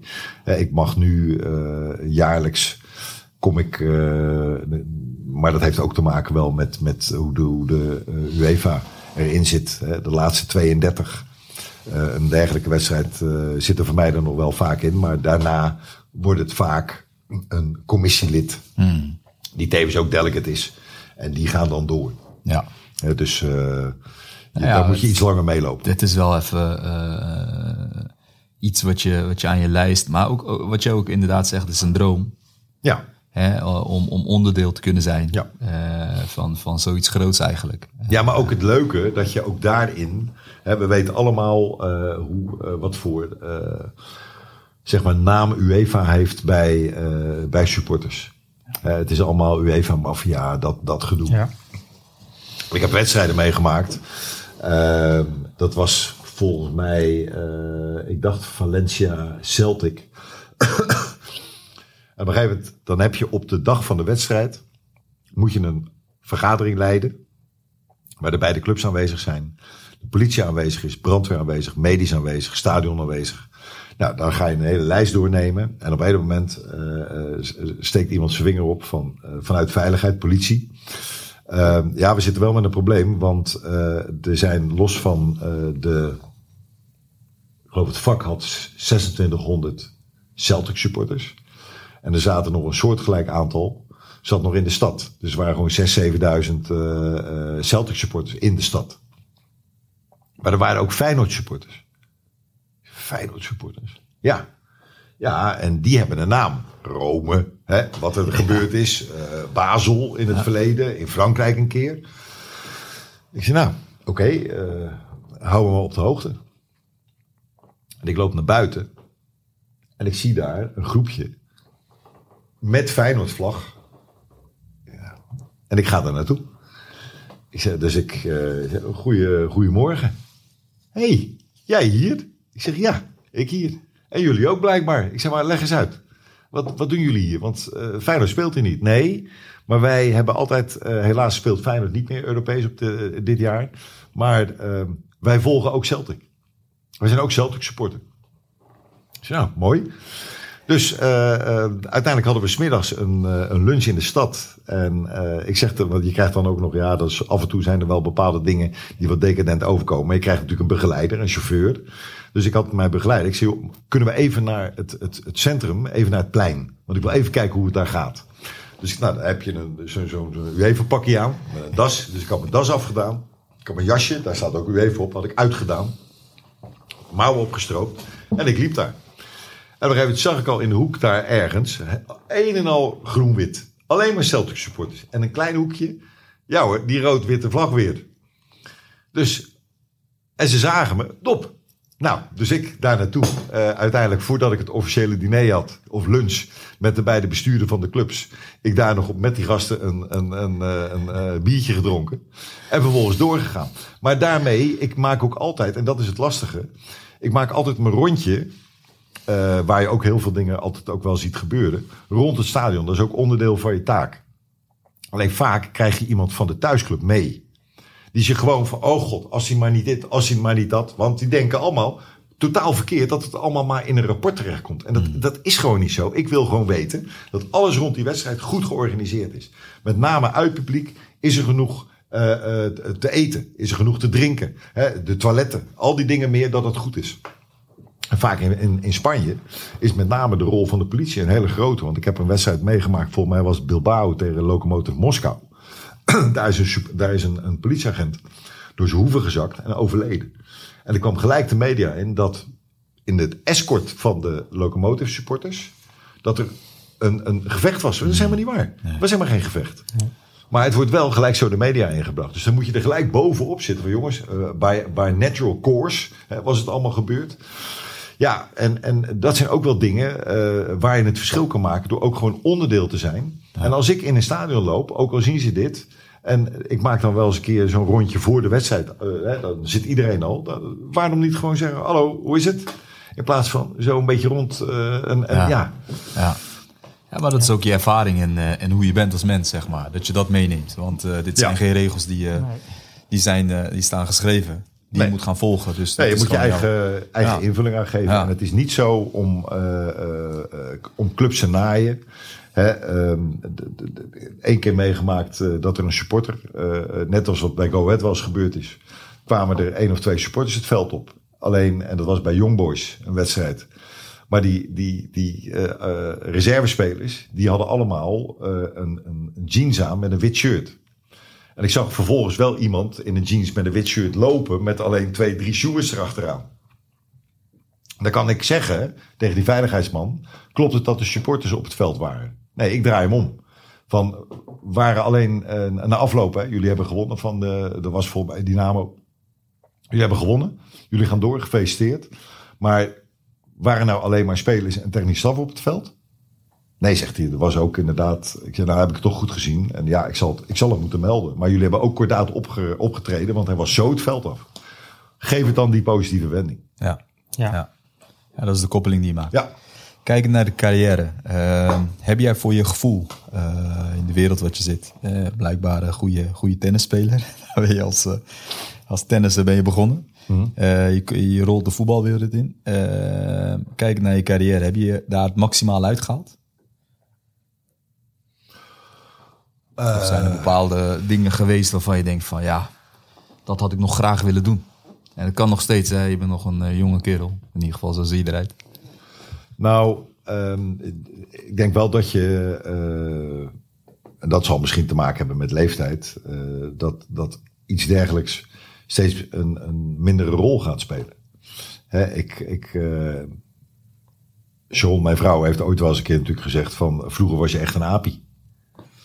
Hoe bedoel je dat? Nou ja, hè, dan was het allemaal wel van, wat je was, ja, dat, dat straalde ik blijkbaar ook uit. En, en, nu is het ook wel, nu is het veel meer dat je uh, voldoening haalt uit het feit dat je met een team een stap gaat maken. En dat je onderdeel bent van. Het gaat niet meer, het gaat niet om jou.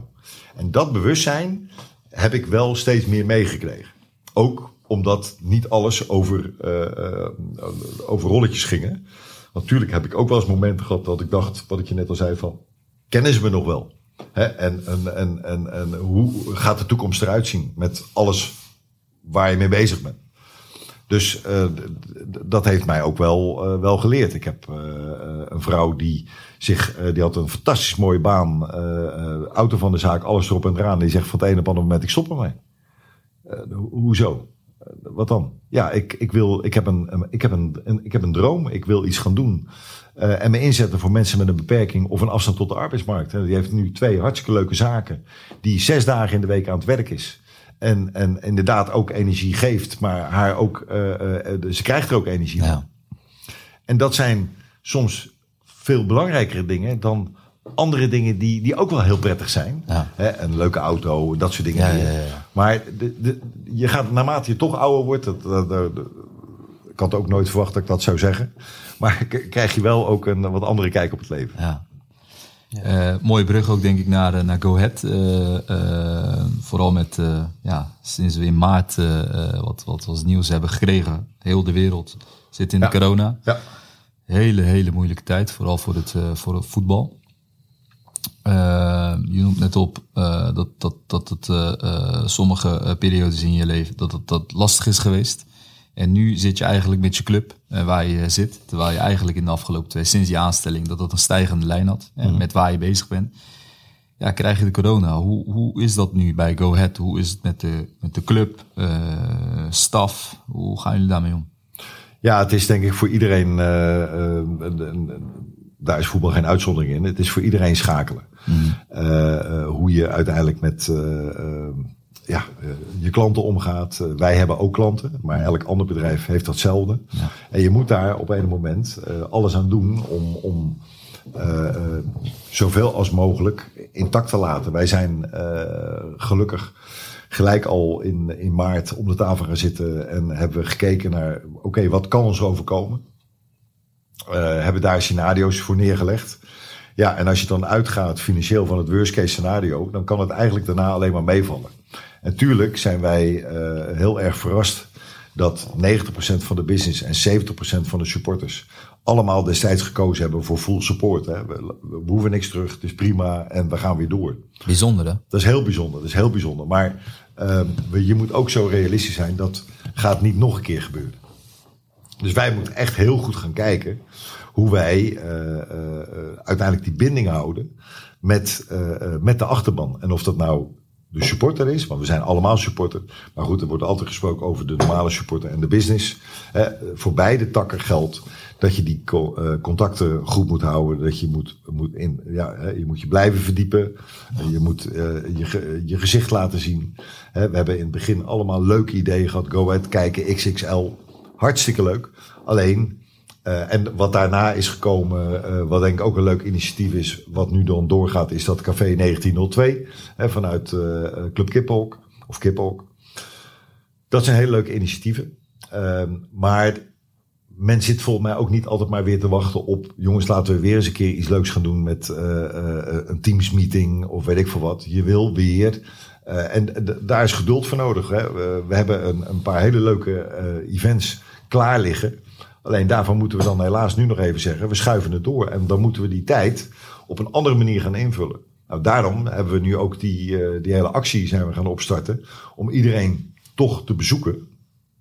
En dat dankjewel cadeau te geven. Dat shirt gesigneerd. Ja. we hebben vandaag uh, de, de, heb ik, uh, de, we hebben echt een hartstikke leuke communicatieafdeling. Weten jullie ook, Wouter Rutgers, die komt altijd weer met bepaalde ideeën. En hebben we bedacht dat uh, we daar een, een, paar sponsors uit moeten halen. Die uh, op bezoek gaan, of die een bezoek krijgen van twee legends van de club. Ja. Dus zijn in een, uh, nou, een hele mooie auto van, van onze sponsor, Pauw. zijn Dick Snijder en Wietse Veenstra vandaag op stap gegaan om drie mensen en gewoon in, op een hele leuke manier te, te, te bezoeken. Ja. En dat wordt gewaardeerd. Zeker. Heb je het over een uh, creatieveling die uh, met uh, weinig middelen zeg maar geniale acties kan bedenken, dan is het Wouter Rutgers wel inderdaad.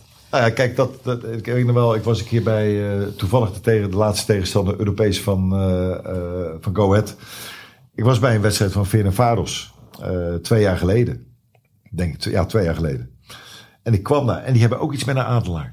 Dus ik zag daar op dat plein een, een mega grote uh, uh, ijzeren of stalen adelaar staan.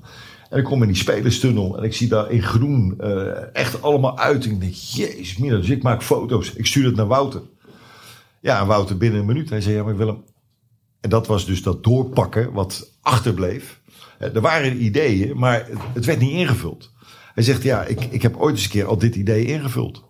Of in- ingebracht. Alleen er is nooit wat mee gedaan. Ik zei, daar gaan we nu echt veranderen. Ja. Dus ik kwam terug en ik ben gelijk met Fokker van Gennep en Leo Wijs gaan zitten. En wat is het kostenplaatje? Dan moet het maar wat kosten. En nu hebben we een spelerstunnel waar we allemaal te heel erg trots op zijn. Ja. Ja. Maar het idee lag er al lang bij Wouter Rutgers. Ja, precies. En dan doorpakken inderdaad. En Ja. eh, volgens mij ben je wel de, iemand die, eh, en daar ook voor, voor staat, iemand die ook doorpakt. Ik ben eh, trouwens even een, een andere zijspoor. Ik ben Galatasaray-fan. Maar als je het hebt over een adelaar, dan is Besiktas eh, Ja. ook een club die, eh, die dat heeft. Ja. En er loopt een eh, grote Go Ahead-fan eh, bij, eh, bij, eh, bij Go Ahead Eagles, die ook eh Besiktas-fan is. Dus hij heeft gewoon adelaar als... eh, als, als beeld heeft hij overal staan. Dus Ja. voor hem zijn de twee eh, toonaangevende Ja. clubs Ja. van, zijn, eh, van zijn leven zijn dat.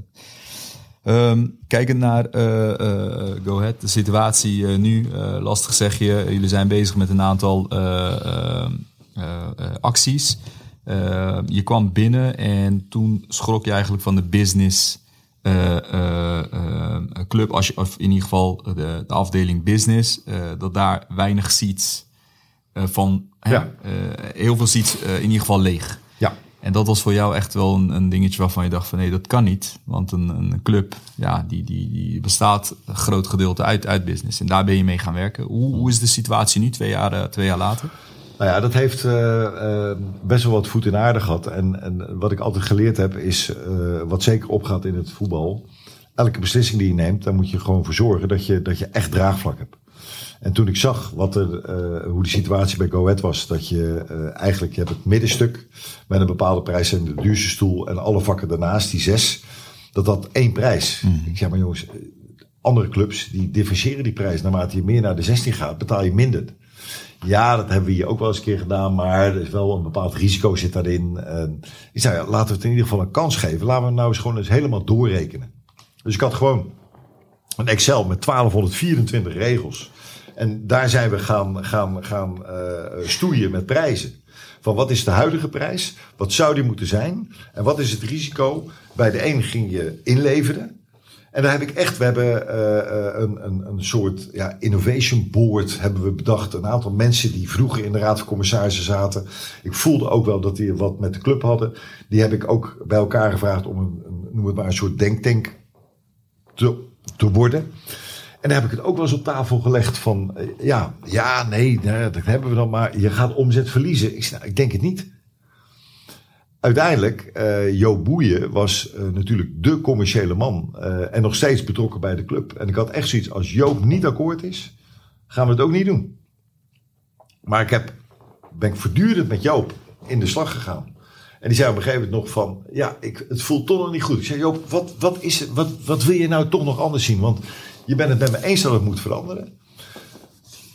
Wat moet er nou nog anders in mijn voorstel, zodat het wel een akkoord is voor jou? En Hans Vrome was eigenlijk al akkoord. Uh, Alex was er nog niet. Uh, en op een moment hadden we een, een NT-overleg. En dan kwam Joop langs. Ik zei, Joop, alsjeblieft, kom erbij. We hebben als onderwerp nu ook het nieuwe prijs, uh, de, de prijsstelling van de seats. En ik wil ook heel graag jouw mening. Nou, toen zijn we uiteindelijk met Martijn Bouwmeester, Martijn Hegeman, Hans de Vrome, Paul Bosveld. En uiteindelijk hebben we een akkoord kunnen bereiken door nog ietsjes te schaven. Hebben we nu een akkoord? Ja. Toen zijn we aan de slag gegaan. Uitvoeren. Ja, en dat heeft er uiteindelijk wel toe geleid dat we van de uh, 1224 hadden we ongeveer 600 stoelen hadden we bezet. Ja, we zitten nu volgens mij rond de 900. Weliswaar, hè, uh, natuurlijk zijn dat uh, ook, ook 1000 euro stoelen in plaats van 2400. Ja, dat, hè, en er zijn ook natuurlijk mensen geweest die gezegd hebben: nee, ik wil niet meer die 2400 in het midden betalen. Ik ga naar die 1000. Ja, ja. ja oké. Okay. dat, maar per saldo heeft, het, uh, uh, heeft dat gewerkt en meer opgeleverd. Oké. Okay. Ja. Dus uh, dat is in ieder geval een plan wat, wat is doorgevoerd. Ja. En wat je ook krijgt is dat het, hoe voller het eruit ziet, hoe voller het wordt, geeft ook een bepaalde gevoel hè, in het stadion. Dat, dat, dat is ook zo, maar Toch? er speelt nog wel iets meer mee. wij hebben natuurlijk de, de horeca. voor de business hadden we verpacht. Mhm. Mm -hmm. En nou hadden we altijd we hadden eenmaal de regel, en je moet ook uitkijken om die regels dan opeens aan te passen, dat de tap uh, bij Utrecht, waar ik dan ook gezeten heb, was het, zelf, was het echt zo dat vijf minuten na start van de eerste helft ging de tap dicht. Oftewel, je moest naar de tribune. Hier is die tap altijd open. Dus wat je ook merkt is, en dat zien mensen in het stadion niet, dat zeker in een tweede helft, dan kijken we tegen soms best wel, omdat ik ook, ik zit bijna nooit op mijn eigen stoel. Ik zit altijd of in 19 of in 17 of weet ik veel waar. En dan kijk ik ook op die hoofdtribune en denk ik, hoe kan dit nou? Ik weet de aantallen wat verkocht is. Murat, kijk mij aan. Nee, kijk hem even. Ik zit nooit buiten. ik vind het altijd te koud. Hij is de aanjager ja, van mensen die Maar er binnen zitten zitten. inderdaad dan heel veel Nee, mensen bij mij- blijven binnen zitten. Ja, bij mij is de regel als het onder de 15 graden wordt, dan zie je mij echt niet meer buiten. Dan is het Nee, mij te maar koud. Hè, de- de- ieder heeft zijn, eh, eh, meen, eh, zijn, zijn argumenten. Maar er zijn er ook inderdaad die zeggen, en dat is ook best wel een, een, een groot aantal. En daarvoor doe je het ook. Die zeggen, ik kom hier om te netwerken. Hmm. Dus ja, als dat dan onderdeel is van dat netwerken. Moet ik dan zeggen, jongens, we gooien die tap dicht en je bent verplicht op een tribune te gaan zitten? Nee. Nee. Dat gaat denk ik niet werken. Wat zijn de volgende uitdagingen bij Go Ahead? Nou, in ieder geval eh, zijn we met twee hele mooie dingen natuurlijk bezig. Dat is, ik zou eh, heel graag eh, nog willen meemaken. Je weet het nooit hoe het gaat in het voetbal. Maar ik zou zeker nog willen meemaken dat wij de IJsseltribune gaan verbouwen. Wat een impact gaat krijgen natuurlijk op eh, eerste elftal en trainingsveld. In combinatie natuurlijk met Riederenk. Eh, dat zijn echt wel twee uitdagingen die, eh, eh, die, die te wachten staan. En laten we hopen dat we hè, nu ook vanwege corona ligt dat allemaal wel een klein beetje stil. Maar ja, dat zou toch wel heel erg mooi zijn om, om nog te mogen doen. Alleen met de, alleen de IJsseltribune? Of ook de B-side? Nou ja, B-side vind ik een lastig verhaal, omdat wij nu eenmaal in een uitzonderingspositie zitten.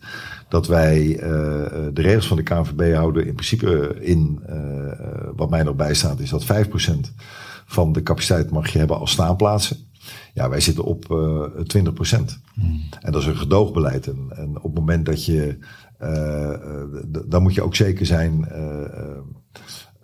van je zaak, maar ook nog eens een keer hoe dicht het ook op, op de bewoners daarachter zit. Eh, dat, dat is nog wel een hele lange weg dan hoor. Ja, ja.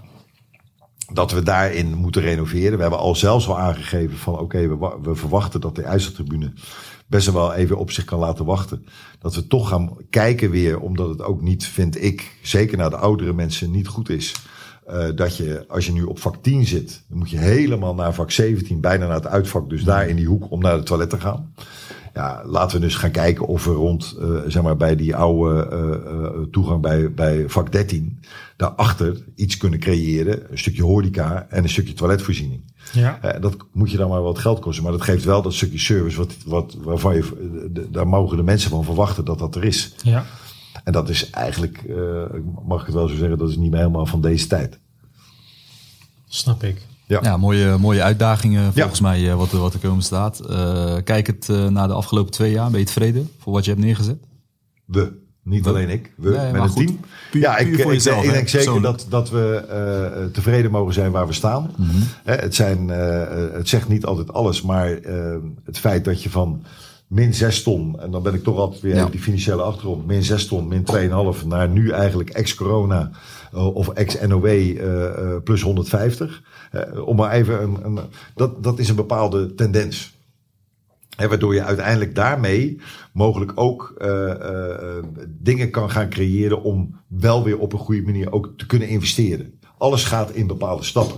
Nou, en als we die stappen nu eh, kunnen blijven volgen, ja, dan denk ik dat we sowieso tevreden mogen zijn met waar we nu staan.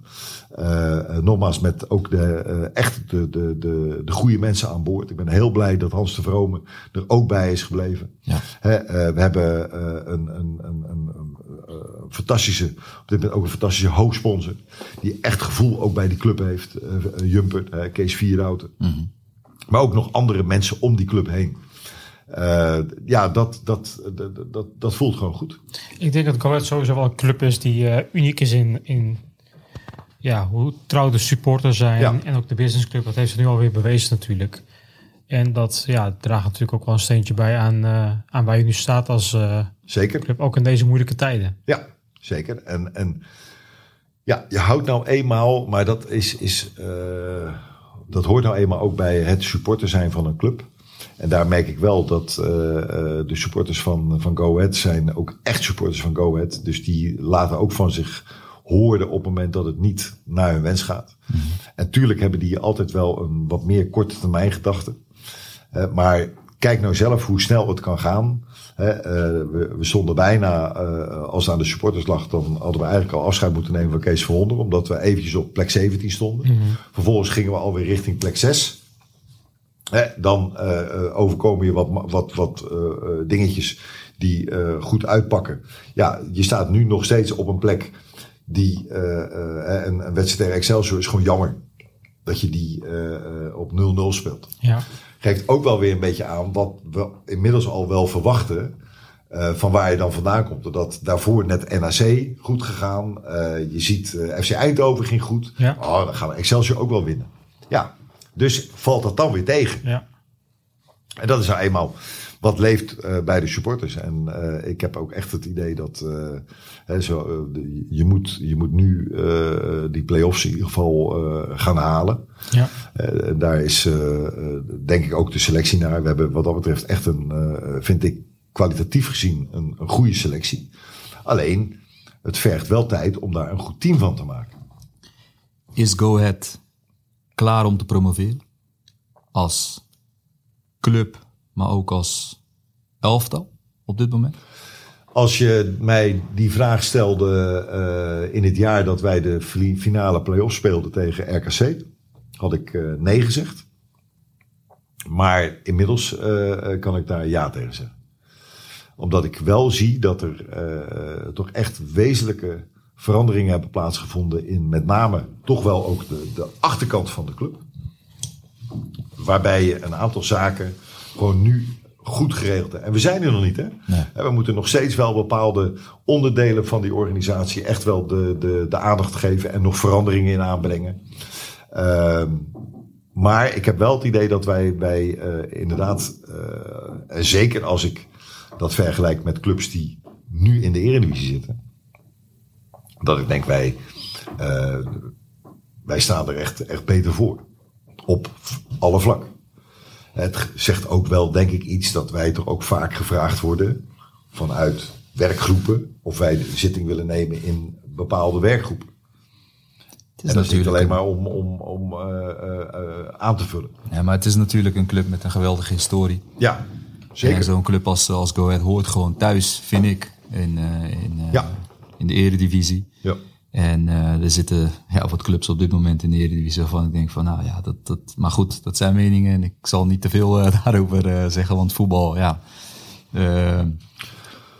Ja, maar er zitten, er zitten ook heel veel gevaren. En dat is ook een eh, waar ik echt wars van ben.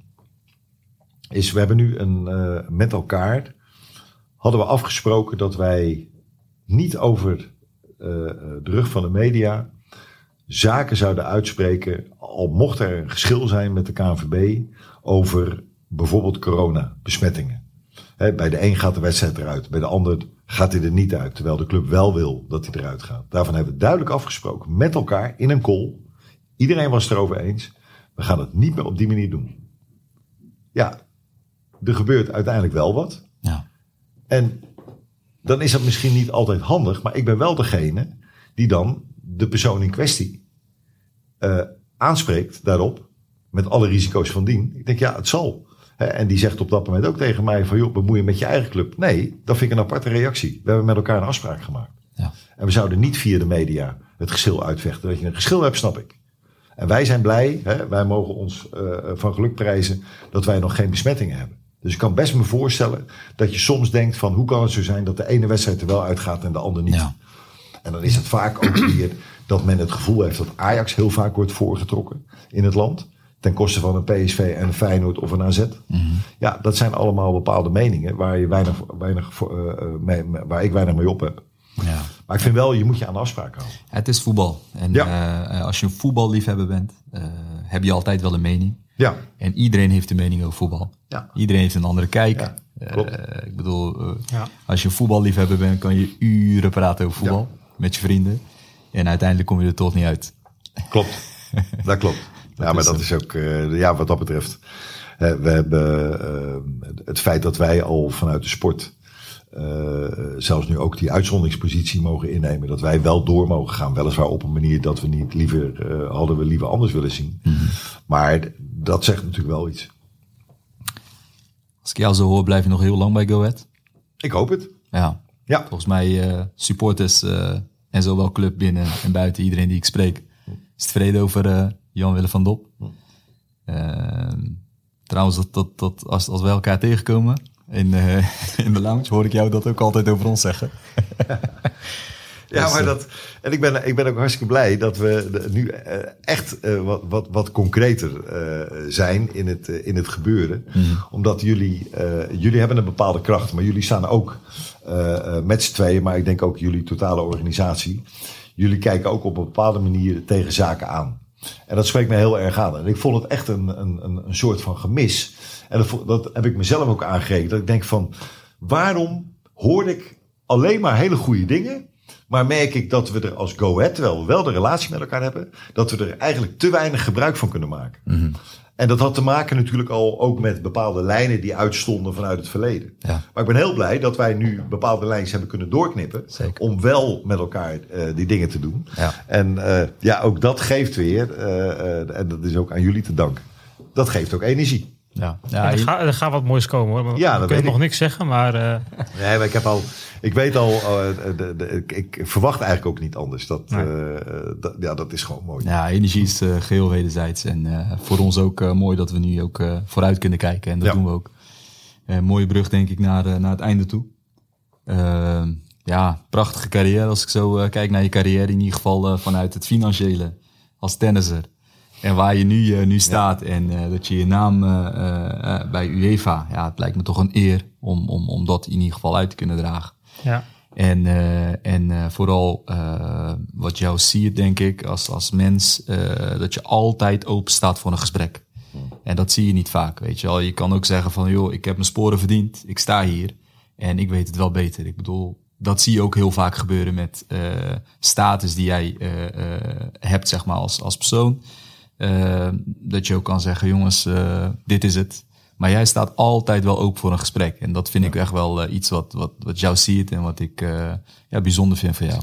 Ik denk ook het factor van je succes. De verbinding opzoeken met supporters, met, met, met iedereen eigenlijk binnen een club die überhaupt betrokken is op welke wijze dan ook. Je zoekt met iedereen de verbinding op. Tenminste, dat is de rode lijn die ik uit jouw verhaal haal.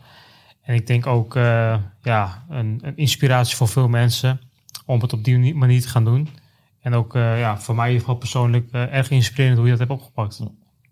Nou, dankjewel. Ja. Dus eh, en nogmaals, en dat is het leuke ook wel. En, en eh, wat dat betreft ben ik dan qua leeftijd iets verder. Eh, dat, dat zullen jullie zelf ook gaan ervaren. Dat je op een moment later gaat inzien waar je, eh, eh, ja, waar je, heel, waar je mogelijk goed in bent. En wat voor. eh, sommige dingen gaan allemaal op een moment gewoon. Daar sta je niet bij stil. Hè, eh, eh, en, en omdat jullie zelf ook in een, je, je zit in een flow, je bent voortdurend, je bent met je organisatie bezig. Je hebt verantwoordelijkheid te dragen voor die organisatie. Ja. Hè, het is niet niks wat, eh, als ik hier om me heen kijk, dan denk ik wel van, nou, eh, ze hebben het goed voor elkaar. Maar het, het is niet iets waarvan je zegt van, joh, dat, dat moet ik nog maar een kleine tijd doen. Nee, dat, dat, dat is een, dat, daar ligt een toekomst. Ja. Hè? En je hebt ook de verantwoordelijkheid naar mensen in je organisatie. Dus jullie weten als geen ander wat dat, eh, wat dat met zich meebrengt. En ja, eh, dan leer je altijd weer van, van allerlei ervaringen die je gewoon opdoet. Of het nou in de kroeg is, of het is bij het voetbal, of eh, het is op het werk. Ja, Ja. mooie woorden. Ik denk een mooie afsluiting ook. Ik wil Ja. je enorm bedanken. eh eer Ja, om jou eh, hier, hier te hebben in onze podcast. En eh, ja, we gaan elkaar nog vaak tegenkomen. Ik denk het ook. Ik heb nog één dingetje, omdat jullie wat gaan bewaren. Dit vond ik wel heel toepasselijk eh, van dit jaar. Ja. Eh, eh, van, vanaf maart zijn wij overstelpt met allerlei verzoeken om mee te gaan in allerlei achtelijke mondkapjes. Daarvan heb ik gezegd, nou, we gaan helemaal geen mondkapjes doen. Uiteindelijk hebben we toch maar iets bedacht, eh, zelf bedacht. En ja, ik vind dit toch wel een hele toepasselijk. Hè, eh, eh, om- en ik zat eigenlijk in de weekend gewoon naar iets te kijken. Dat is de kop van, natuurlijk van de Adelaar Ja. in, het spelers, in de spelerstunnel. Ja. Ik zat naar die foto te kijken. Ik heb die foto naar Fokko gestuurd. Ik zei, Fokko, kan jij hier een mondkapje van maken? Ja. En die kwam met dit. Ja, en ook al is die, we hebben gewoon een beperkte oplage gedaan, maar dit typeert dan ook wel weer eh, eh, Go Ahead. Maar dit komt niet uit de koker van Wouter Rutgers, maar dit komt uit de koker van Jan-Willem van... Deze komt uit de koker van Wouter Rutgers. Oké. En dat typeert ook het seizoen. Ja. Hè, de twee handjes, eh, de campagne. Jullie hebben ook bijgedragen eh, op een hele mooie, eh, voorbeeldige manier aan die seizoenkaartcampagne. Ja, Ja. dit is ook weer iets, eh, denk ik, toch unieks. Ook al is het heel klein, maar het, het, het, het heeft een bepaalde waarde. En ik vind ook zeker dat dan dit vanuit de club... Ik hoop dat dit in ieder geval in de kast eh Ja, dit, terecht dit krijgt sowieso een eh, hele mooie plek hier. En, eh, Oké. Hopelijk zien we elkaar, eh, we nodigen je volgend jaar weer uit. Goed. En dan gaan we kijken waar we staan, wat we hebben Ja. besproken nu. Hopelijk hebben we de corona achter de rug en dan eh, zien we elkaar weer snel. En jullie eh genieten nog even van de, van de verjaardag vandaag. Ja. Zes jaar. Ja, dankjewel. En eh, op naar het nieuwe jaar. Zeker, dankjewel. Dankjewel. Bedankt, Jan-Willem.